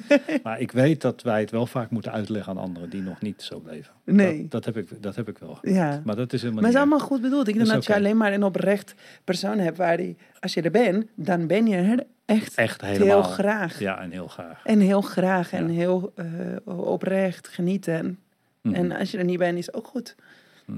Lekker op de bank en lezen. Ja. hey, er vloeit geen geld tussen ons. eh, eh, eh, dit wordt niet gesponsord. Nee. Maar ik, ik wil wel heel veel van Dopper weten, omdat ik het een heel cool merk vind. Ik Ja. weet iets meer, omdat we samen hebben gewerkt. Een heel, Ja. heel leuk project met elkaar. Ja. Maar zou je eens willen vertellen hoe dat dan werkt en, en waarom het zo belangrijk is Ja. dat we, ja, kort gezegd, de wereld niet kapot aan het maken zijn met, zoals jij en jullie zo mooi zeggen, single-use plastic. Ja. En plastic soep enzovoort. Kun je eens vrij uitpraten en, en vertellen wat je wil vertellen. En, en ook eens uitleggen dat van elke euro die je omzet, 5% naar de Dopper Foundation gaat. En daar doe je weer hele mooie dingen van in het buitenland. Leg nou eens uit, wat is Dopper? Wie is Dopper? Dopper is een social enterprise, dus het is geen commercieel bedrijf en het is geen NGO. Een B Corp. Een B Corp. En wat wij eh, doen is, wij gebruiken zeg maar de business als een force for good. Dus we hebben een fles, dat is eigenlijk een middel om onze missie eigenlijk ja, voor elkaar te krijgen. En de missie van Dopper is om mensen te empoweren, om mensen in hun kracht te zetten, om eh, het gebruik van single-use plastic te reduceren ten opzichte van plastic waterflessen. Ja, leg even uit wat single-use plastic is. Single-use plastic is iets wat je gewoon eenmalig gebruikt en weggooit. Dus waarom zou je, dus het is eh, ontstaan uit frustratie eh, van hoe, hoe is het mogelijk dat in een land waar schoon drinkwater, schoon water uit de kraan komt, dat mensen plastic flessen, mineraalwaterflessen kopen Eenmalig gebruiken en weggooien. eenmalig gebruiken, weggooien. En heel vaak belanden deze flessen in ons milieu, dus ook in de oceanen en de rivieren. En dat is gewoon niet goed voor het milieu. Dan belandt dat eigenlijk ook in je voedselketen, want vissen die eten de microplastics op. En de plastic eh, verdwijnt. Ik zie dat jij een paar dingen opzoekt, Robin. Laten zien van die, eh, die plaatjes van... eh, om te onderbouwen wat je zegt. Het is echt Ja. een probleem, hè? Het is echt een probleem en het wordt een, steeds een groter, een, een groter probleem. Eh, ja, dat zie je daar, al die mi- microplastics. En, de- Ongelooflijk. Ja, het is echt ongelooflijk. Al die mooie stranden waar je vroeger daar hoorde je dus heel veel mensen dus die naar Bali op vakantie gaan, maar het is gewoon niet meer die Bali waar je vroeger ging. En ik ben een onwijs fan van eh, scuba diving. Mhm. Eh, maar ik denk dat als je nu, als ik nu terug ga naar die plekken waar je toen gedoken hebt, dat het gewoon een hele andere wereld is. Mhm. En dan moeten wij ons wel eh, de verantwoordelijkheid nemen als eh, consumenten om in landen waar schoon drinkwater is, dat heeft gewoon geen zin om mineraalwaterflessen te kopen. Maar het is toch business? Ja, maar niet voor de consument. De consument die, die moet zorgen dat hij gewoon een goede en, en, en een mooie aarde is waar wij met z'n allen nog veel langer kunnen leven. Eens. Ja, dus het slaat eigenlijk nergens op. En eh, alleen je merkt wel dat er heel vaak is gemak eh, onderweg naar eh, voor je werk. Je hebt een meeting, dan stop je, dan koop je een fles. Ga je naar een concert, dan koop je een fles. En als je echt, het is gewoon gemak heel vaak. Dus Mhm. ik denk niet dat mensen gewoon niet willen. Nee, het is gemak. Het Ja, is gemak en voorstellen. zijn dus wel, eh, ja, met toppers doen we niks anders dan eh, mensen bewust te maken van het probleem op een positieve manier. Dus wij laten het probleem zien, maar eigenlijk laten wij veel meer de oplossing is. En de oplossing is dus de beste alternatief voor de petfles. En die is dus ontworpen als de beste alternatief voor een, eh, voor een kleine mineraal waterfles. Mhm. En dat doen wij door middel van activaties, samenwerking met een museum. Deze is ook voor een samenwerking met Is Schiphol. mooi deze. Ja, die hebben wij gemaakt voor een samenwerking met Schiphol. Dus alle reizigers die kwamen naar Nederland en die hebben wij verteld, joh, welkom in Nederland. We willen jou ook vertellen dat het water in Nederland is gewoon te drinken. En men zei van, nee, nee, nee, want die smaken niet aan chloor. 60% van de mensen die naar Nederland komen, drinken het water niet. Omdat, ze, eh, omdat het niet naar chloor smaakt. Omdat het niet naar, Niet naar chloor smaakt. Wow. Ja, maar dan moet je toch aan de mensen vertellen. Ja. Anders gaan ze automatisch eh, plastic flesjes kopen en belanden deze in ons, eh, in ons milieu terecht.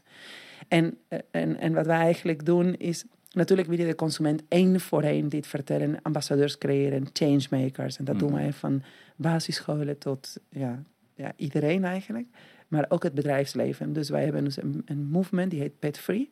En Mhm. dat eh, zegt eigenlijk dat een leider van een bedrijf tekent een pledge van in mijn kantoor wordt geen water gedronken uit plastic bekers of plastic flessen. En doen bedrijven dat? Tekenen Heel veel. Noem eens wat Echt, namen. eh, Doe eens wat names dropping. Ja, bijvoorbeeld Spotify, daar hebben wij een hele mooie Oh, cool. samenwerking. Cirkel, het kantoor van ABN AMRO in Amsterdam Mhm. eh, ook. Maar echt kleine kantoren. En wij zijn ook in gesprek met Google om te kijken hoe wij dat kunnen doen. Want ze hebben heel veel medewerkers. En heel vaak is, heb je een cateraar tussen. Of, het is niet dat bedrijven niet willen, want ze hebben allemaal een CSR-doelstellingen. En ze Mhm. willen gewoon ook gewoon een goede impact hebben als bedrijf. Het is zoeken naar hoe het in, erin hoe past. gaan we dat doen? Mhm. En daar hebben wij, daar zijn wij een hele mooie eh, sparringspartner, want wij willen het. En in samenwerking met Schiphol zou je zeggen, ja, waarom moet je met Schiphol? Want vliegen, dat is niet goed. Ja, maar iedere stap die Schiphol zet in de goede richting is gewoon goed. Zo denken wij ook. Mhm. Dus wij zitten niet op die stoel om iedereen een oordeel te geven over alles, maar iedere stap is goed.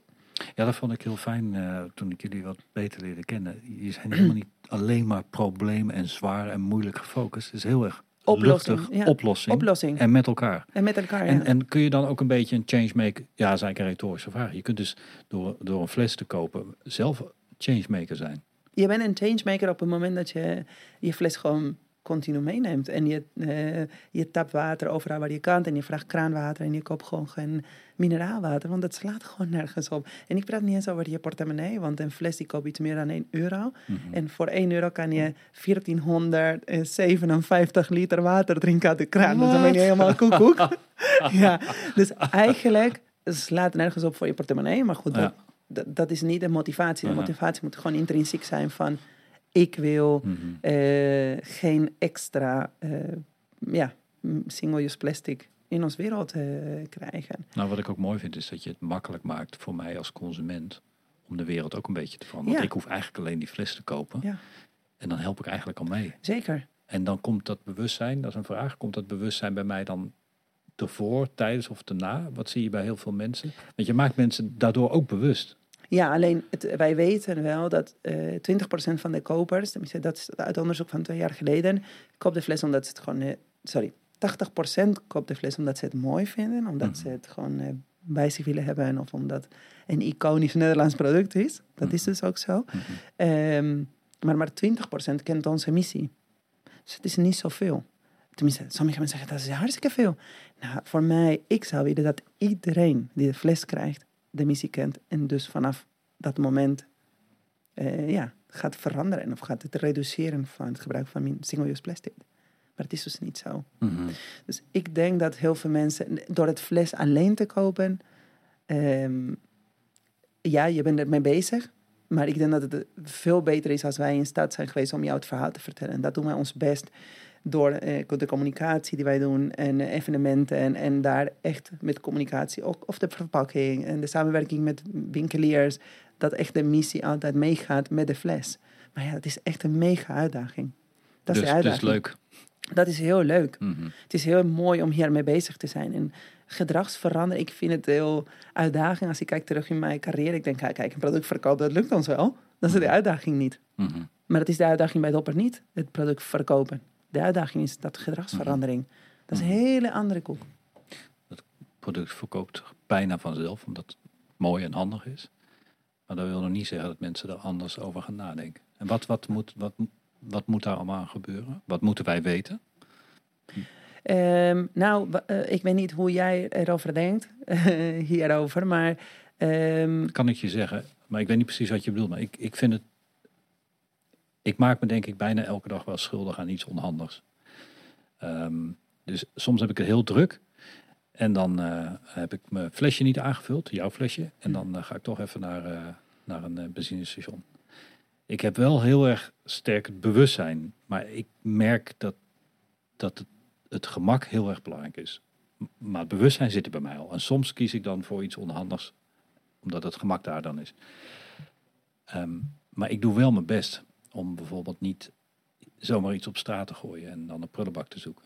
Ehm, maar ik ben in landen geweest, eh, maar ook in gedeeltes in Nederland geweest, waar dat heel anders gaat.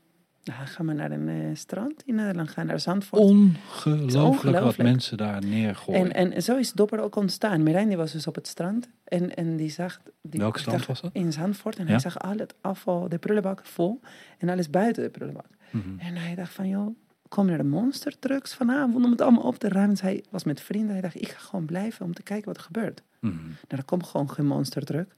En dan worden alleen maar de prullenbakken leeg eh, gemaakt. En de rest wordt gewoon door de zee meegenomen.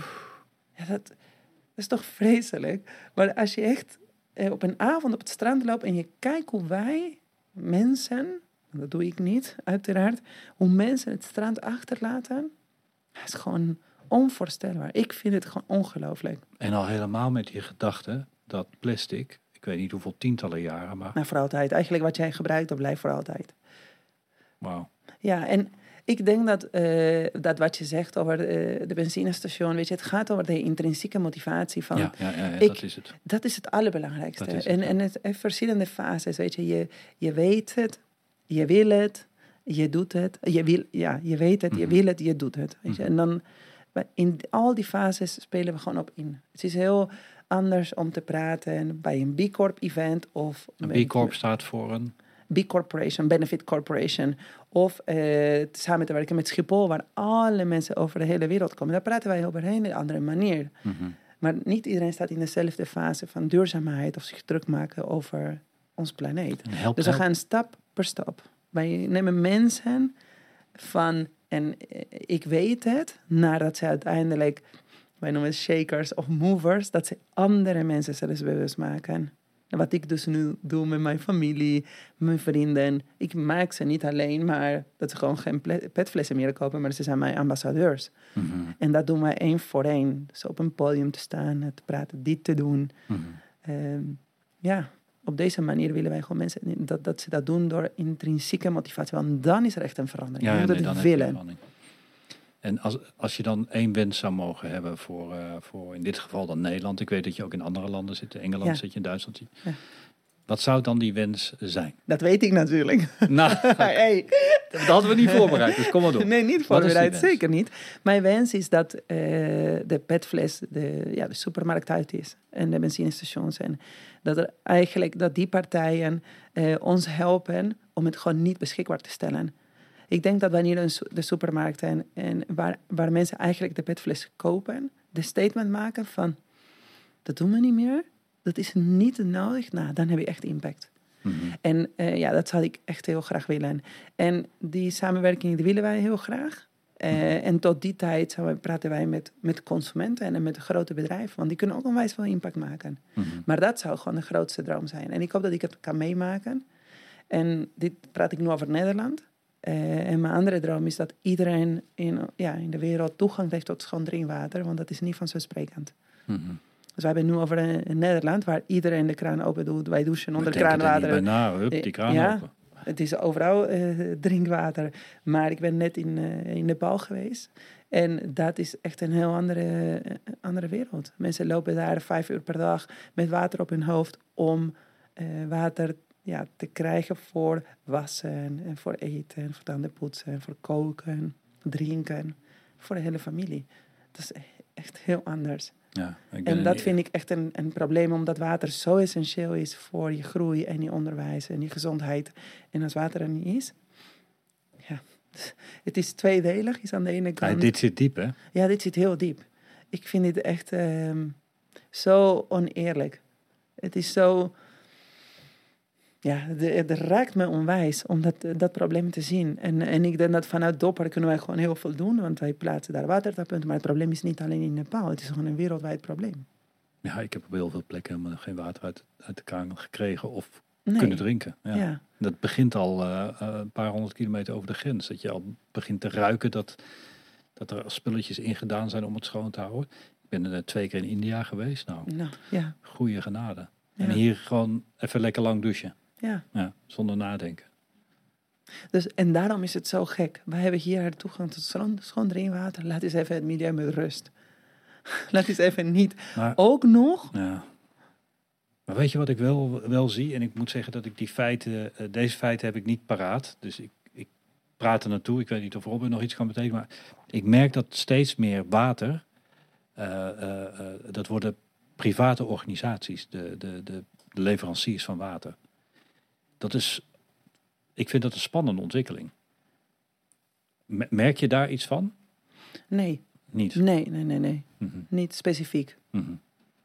Want dat viel mij wel op. Dan dacht ik, water moet toch, net zoals zuurstof, voor iedereen toegankelijk zijn en schoon zijn. Maar bedoel je het in Nederland of bedoel je het ik- gewoon in het nou, niet- buitenland? nou, in Nederland een beetje, maar nogmaals, ik heb het niet zo goed paraat. Ik heb het heel vaak gelezen, maar ik heb, ik heb het nu niet paraat. Maar in ieder geval, steeds, je ziet steeds vaker de beweging dat water, omdat het zo essentieel is, eh, daar komen privéondernemingen op. En dan zie je dat het water 10 tot 100 keer duurder wordt. Ja, Daar, daar, daar heb ik last van. ja, Ik snap het, maar ik heb er last van. ja, dat begrijp ik.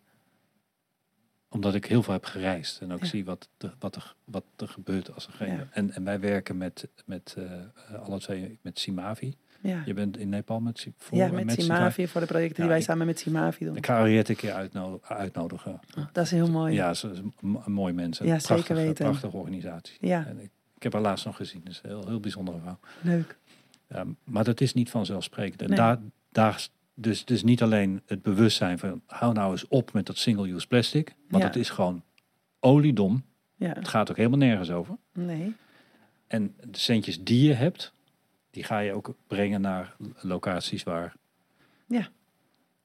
En door middel van educatie. Want je merkt, wij hebben een educatieprogramma voor basisscholen, maar Mhm. ook voor eh, masterstudenten. En dat die zijn onwijs, zijn gewoon open. En die denken, die niet in normaal, beperkingen. Nee. Die denken van, joh, natuurlijk gaan we gewoon iets bedenken. Natuurlijk ga ik die mineraalfles niet kopen. Dus wij gebruiken educatie Mhm. als een van onze pilaren. Wij, wij gebruiken ook inspiratie. Dus we staan heel vaak op een podium. Doen samenwerking met Schiphol, National Geographic, eh Tropenmuseum. Prachtig. Eh, ja, echt Dat helpt, hele gaaf. Ja, dat, dat helpt. Eh, en ehm, daarna wat ook heel belangrijk is, is echt de daadwerkelijke verandering in Nepal. Mhm. eh, door watertappunten te plaatsen. En sinds kort eh, werken wij samen met eh Smartpani. En Smartpani, hij is een lokale entrepreneur en die heeft dus filters eh, gemaakt voor, hij ehm filtert regenwater en daar filtert het water en dan kunnen mensen gewoon daaruit drinken en of gebruiken voor andere dingen.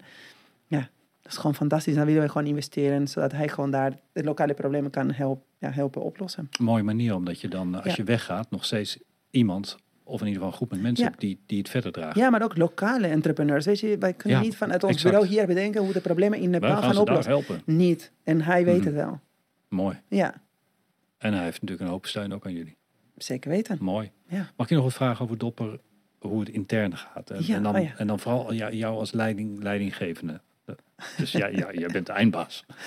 Ehm, hoe, hoe, hoe bouw je een sterk team? En dit zijn vragen waarvan ik weet dat heel veel mensen die via iTunes luisteren of via YouTube naar ons kijken, die hebben die vragen. Hoe bouw je nou een goed team? Hoe doe je dat? Wat is jouw inzicht over? Ja, dat is een mooie vraag. Hoe bouw je een sterk team? Ehm, ik, ik, heb het team gebouwd vanuit eh, waar wij naartoe willen. Dus dat heb ik eerst uh, samen met Merijn, met het managementteam, toen ik bij Dopper kwam, met elkaar gesproken van waar willen we heen? Dat is voor mij de allerbelangrijkste vraag. Van waar wil je heen en wat heb je daarvoor nodig om daar te komen? In uh, skills, en, maar ook in personality. Want ik vind een fase waar Dopper in staat, die vind ik niet dezelfde fase als waar een andere bedrijf in staat. Wat voor type mensen heb je daarvoor nodig? Ik heb bouwers nodig, nu. Wij zijn aan het bouwen, maar ook aan het professionaliseren. Dus wij zijn niet in de eerste fase van... Hey, oh, we gaan een leuk bedrijf uh, starten en mooie dingen nee, bedenken. De, de, Dopper is uh, groot en wij, wij, gaan veel meer naar een gestructureerd bedrijf, internationaal. Dus welke mensen heb ik nodig om die doelen te bereiken? En, en welk, dus die zijn meer de soft skills, echt die power mensen die een verandering willen brengen. En daarna, um, voor mij is het heel belangrijk dat mensen gewoon de juiste uh, kennis komen brengen. Uh, dus ik kijk heel erg goed naar de persoonlijkheid, uiteraard, maar ook van, heb je, wat heb je gedaan daarvoor? Aan, ja, uiteraard, maar dit klinkt gewoon heel obvious. Iedereen kijkt naar wat je gedaan hebt. Nou ja, je kunt natuurlijk naar een cv kijken, maar, maar volgens mij kijk je ook naar mensen die, die niet alleen komen, komen vragen en, en halen, maar je komt waarschijnlijk ook je, je wil mensen hebben die geven. Ja, ik ben nu echt op zoek naar mensen die komen brengen. Mm -hmm. ik, uh, kijk, ik kan niet iedereen, bedrijf is 50 man, nu 45. Wij kunnen niet iedereen uh, geven en heel veel mensen meenemen in alles. Dus je hebt een beetje van alles. Want de jonge generatie heeft onwijs coole, inspirerende ideeën die heel erg passen bij het nu. Maar je hebt ook de ervarende mensen die het al gedaan hebben in het buitenland, die weten hoe je zaken doet met andere culturen. Maar ik heb ook mensen nodig die weten hoe gedragsverandering werkt. Dat is ook heel, ah, iets heel ja, anders. Ja, ja, heel Want verkoop is heel anders dan gedragsverandering. Mm -hmm. Mm -hmm. um, we hebben ook hele goede project managers nodig. Dat is echt super belangrijk. En daarna heb ik op bepaalde key posities, zoals operations en zoals finance. Dat soort dingen moet gewoon voor mij door professionals uiteraard gedaan worden. Dat moet gewoon goed draaien.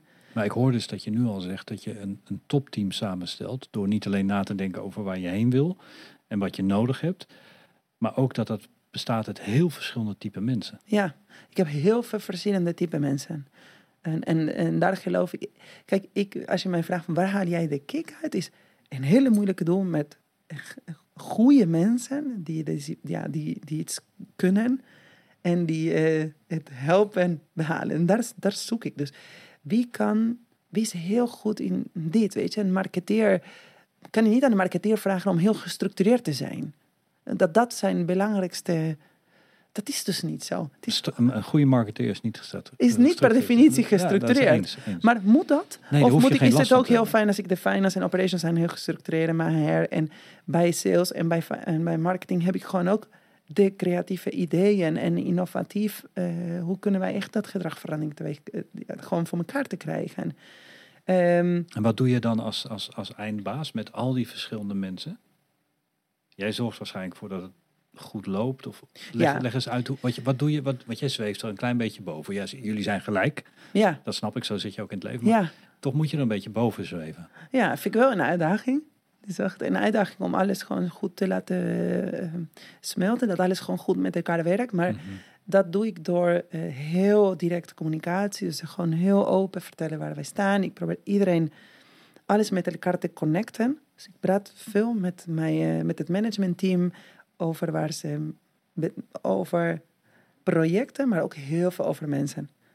Ik zat deze week te denken, volgens mij heb ik het meer dan de helft van de tijd van wat ik doe gaat over de mensen. Dus uh, omdat het super belangrijk is. Zonder het team geen doel.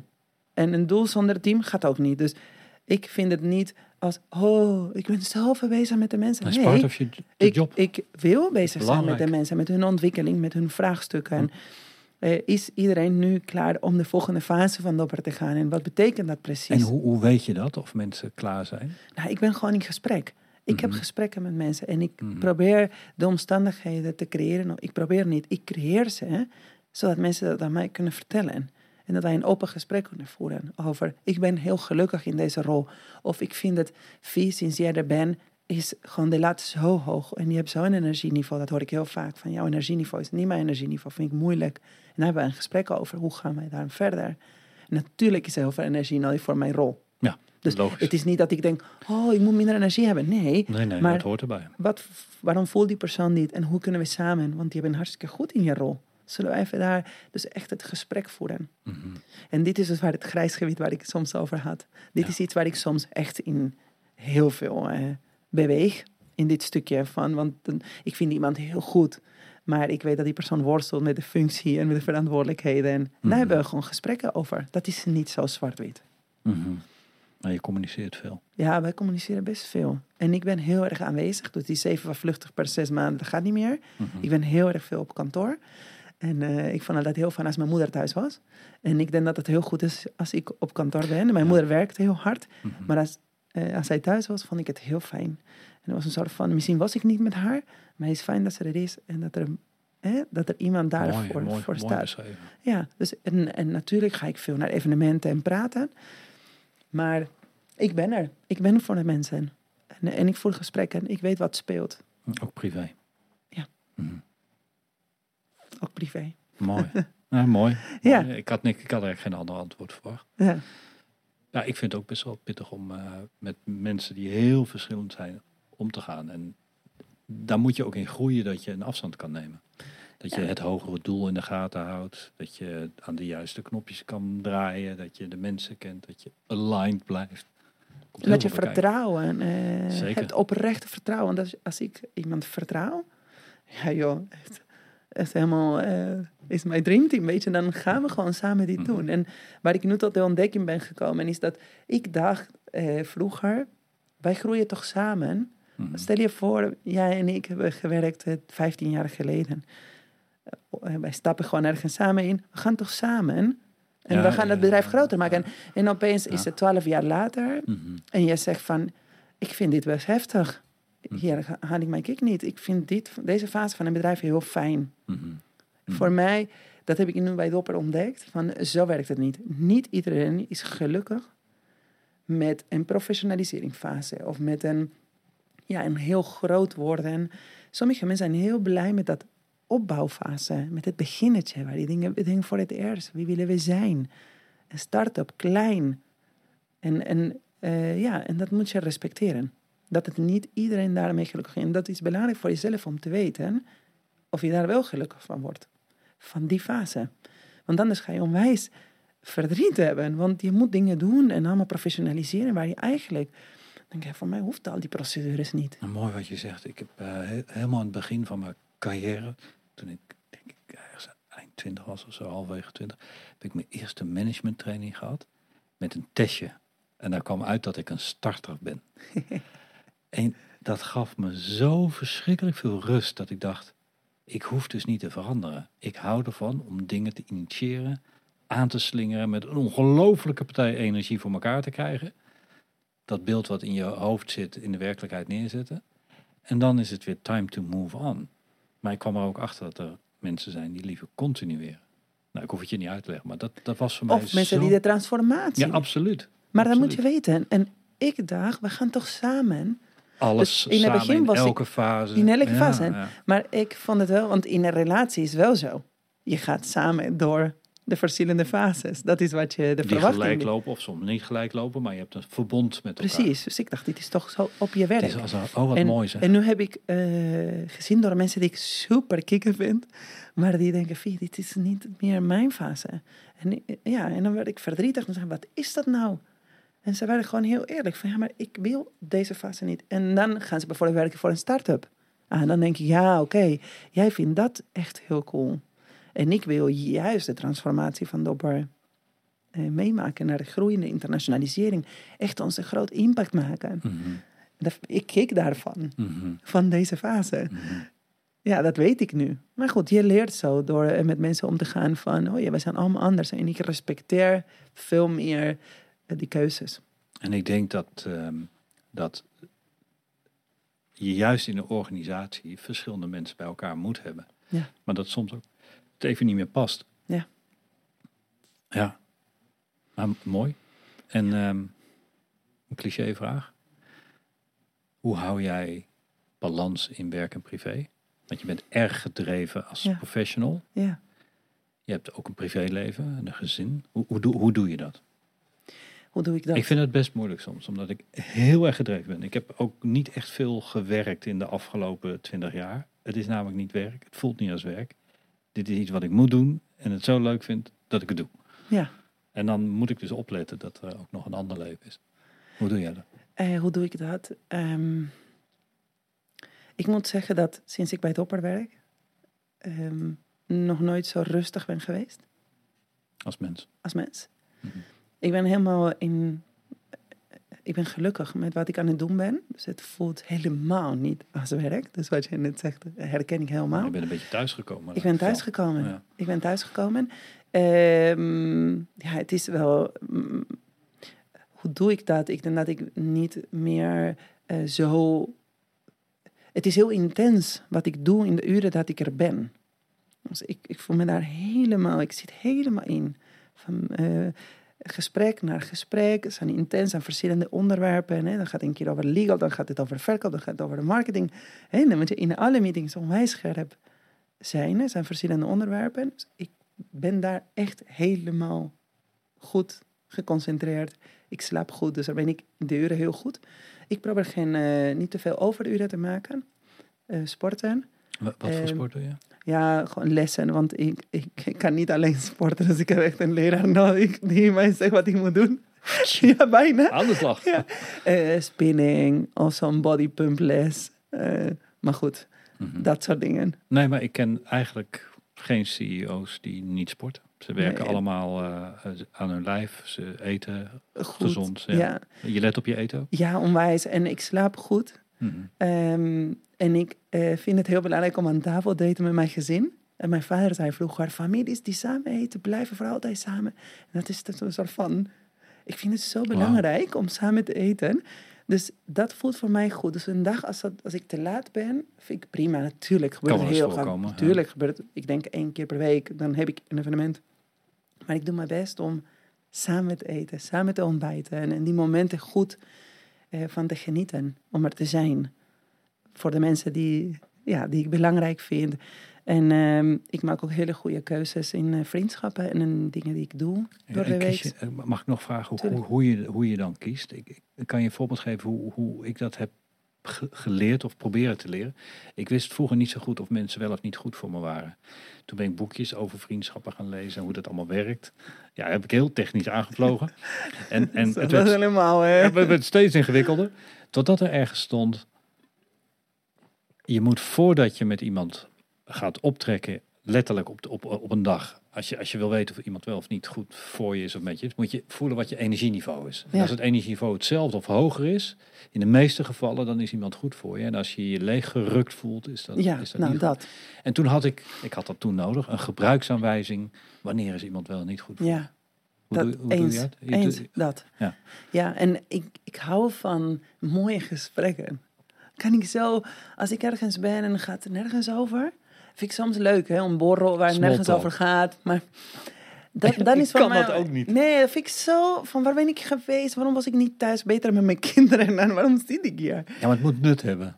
Ja, of een mooi, ja, iets. Soort van leuk of, oh, het hoeft niet heel diep of zo, maar wel een mooi gesprek. Mhm. En, en, en als dat is, dan heb ik al misschien een feestje met één persoon gesproken, maar dat is leuk. Ja, dan, dan vind ik dus, eh, ja, dat vind ik heel mooi. En of als ik weet dat leuke vriendinnen ergens zijn, dan vind ik altijd fijn om te zijn. Mhm. Dus ja, de energie en vooral niet van die oppervlakkige, ja, daar kan ik gewoon heel slecht tegen.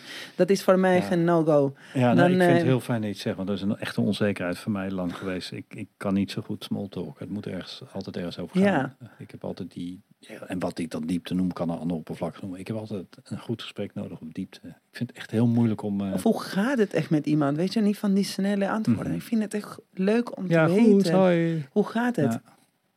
Ja. Ja. en dan krijg je echt eh, hoe het echt met iemand gaat. En dan, daardoor ontwikkel je ook een sterkere band. Zeker. En, en ik vind het goed om te leren van al die mensen. Dus dat vind ik heel leuk om te horen hoe eh, het gaat met, met de mensen van wie ik hou.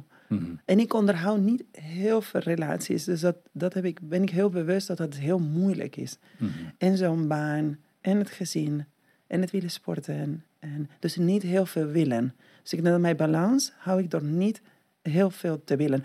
Oh, ik wil en hardlopen en sporten en daar deelnemer zijn van die groep en daar naartoe en daar naartoe. Echt. En die borrelclub en die eh, leesclub. Niet. Samengevat, let je op je eten. Let je op je lijf, Mhm. beweging. Ja. Je hebt keuzes gemaakt wie wel en niet goed voor je is. Je werkt over als het echt nodig is, maar je let daar in ieder geval meer op dan vroeger. Zeker. Eh, een gezin en een groep met mensen blijft bij elkaar als ze bij elkaar eten. Prachtig, nog nooit gehoord. Heel mooi, dank je. Ehm, eh, en zo, hou- zo hou jij dit En zorgen voor goede gesprekken. en een goede gesprek, En- maar ook alleen zijn. Ook alleen zijn, maar echt het zorgen voor die mooie gesprekken. Mhm. Met, met mensen waar je echt van, ja, jeetje, dit is goed. Een Mhm. mooi gesprek over het diep aan de persoon of over jou, Mhm. hoe, het gaat. Zo ontwikkel je uiteindelijk. En alleen zijn, zeker. Ja, Dat zijn, eh, dat zijn wel hele mooie tips. eh. Maar het klinkt misschien een beetje vanzelfsprekend allemaal. Ja, maar, eh, Maar voor mij is het niet vanzelfsprekend. Het heeft heel veel jaren gekost om te weten. ja, maar je, je moet er ook, je moet, ja, ik zeg altijd zo, je agenda in de tijd die je wakker bent, laat zien hoe je leeft. Ja. En als die agenda helemaal vol staat met hetzelfde, dan is dat niet goed.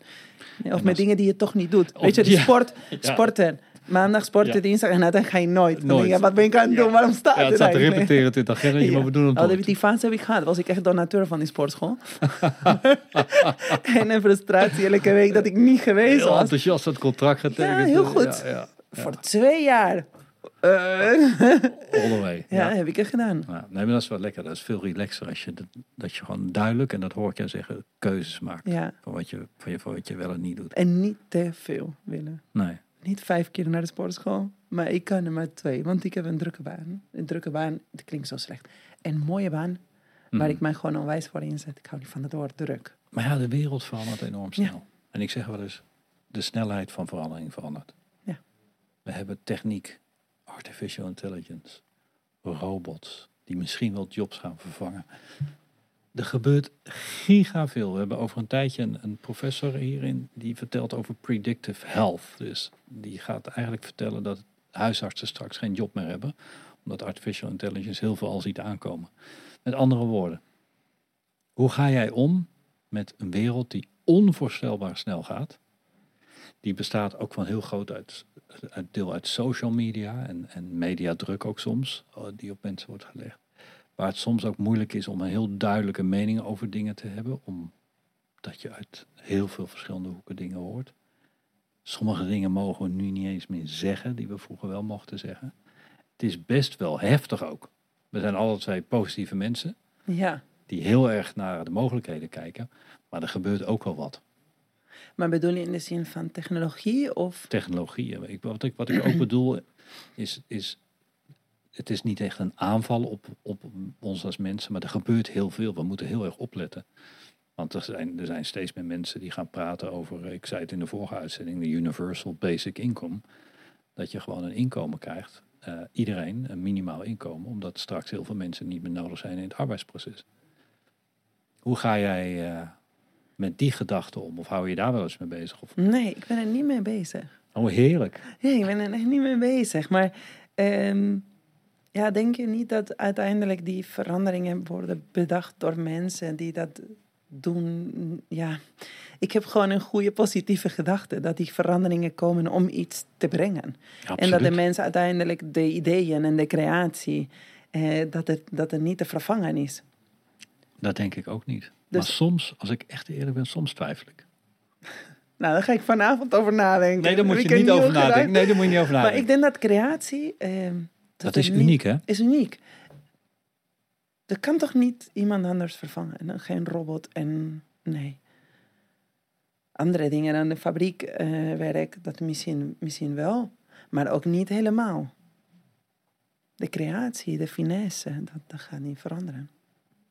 Zeker niet passie. Drive. Nee, passie, drive, dat gaat ook niet. Dus wie kan het allemaal doen zoals eh, wij doen, met power? Ja, Ik vond dit een ontzettend fijn gesprek. oké, maar ik ook. Het is één uur en drie kwartier verder. Niet. Ja, en ik wil eigenlijk helemaal niet stoppen. Oh, echt waar? nog uren doorgaan. Jezus. Ja. Ik dacht dat het misschien een uur was, maar ja, nee, goed. nee, dat is opgevlogen. Oké, nou, heel Nou. mooi. Doe maar een vraag aan mij dan. Een vraag aan jou. Ehm,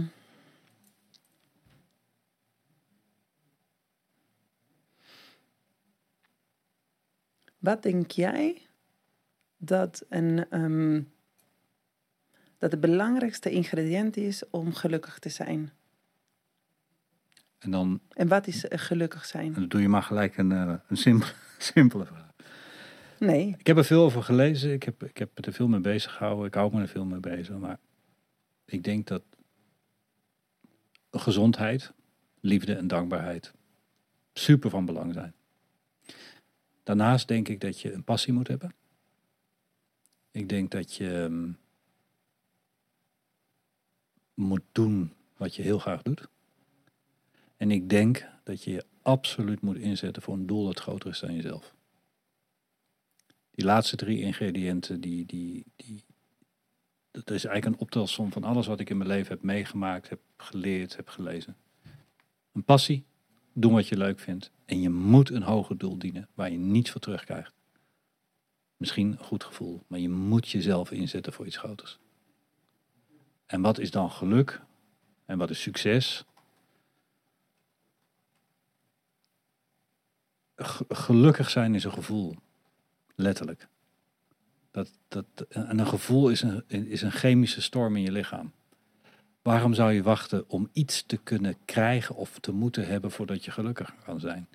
Je kunt op elk moment van de dag gelukkig zijn.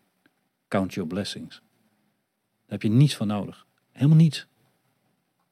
Ik heb het in mijn leven meegemaakt met ups en downs. Eh, ook best wel aan de onderkant een paar keer gezeten. Je hebt niks nodig. Ehm, en succes koppel ik ook een beetje aan geluk, omdat de drang of de hangen naar succes iets is wat veel mensen hebben. Ik heb het in ieder geval heel lang gehad. Omdat ik. Nee, ik moet anders zeggen. Ik heb nu meer rust erin, omdat ik weet dat de definitie van succes voor iedereen anders is. En vroeger was mijn definitie van succes, wat, wat eigenlijk mijn ouders succesvol vonden. En in, hè, ze vonden het belangrijk dat ik ging studeren. Ja. Nou, dat heb ik zeker gedaan, eh, Virginia. Maar na dag één heb ik gefeest, vier jaar lang. Dus ik heb niks gehaald. Ehm, dat was namelijk niet mijn definitie van, eh, van succes en, en, en ook niet van geluk. Dus ik ben op mijn 2, 23 mijn hart gaan volgen. En ik denk dat dat belangrijk is als je gelukkig wil zijn. Aan de ene kant heb je er niks voor nodig. Je hebt er ook niemand voor nodig. Het is een momentopname die je in jezelf kunt creëren.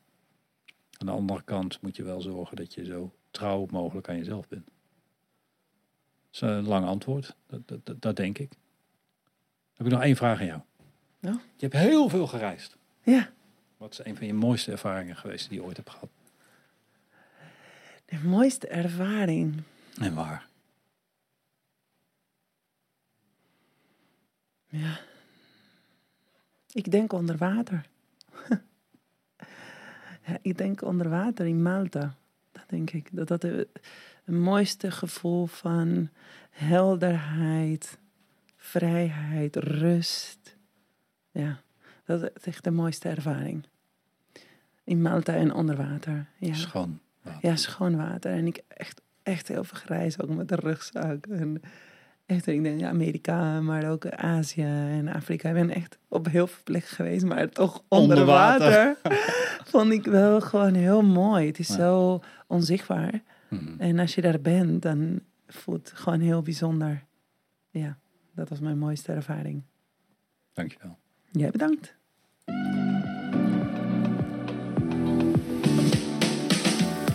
Ontmoet bijzondere mensen. Leer nieuwe dingen. En update je mening.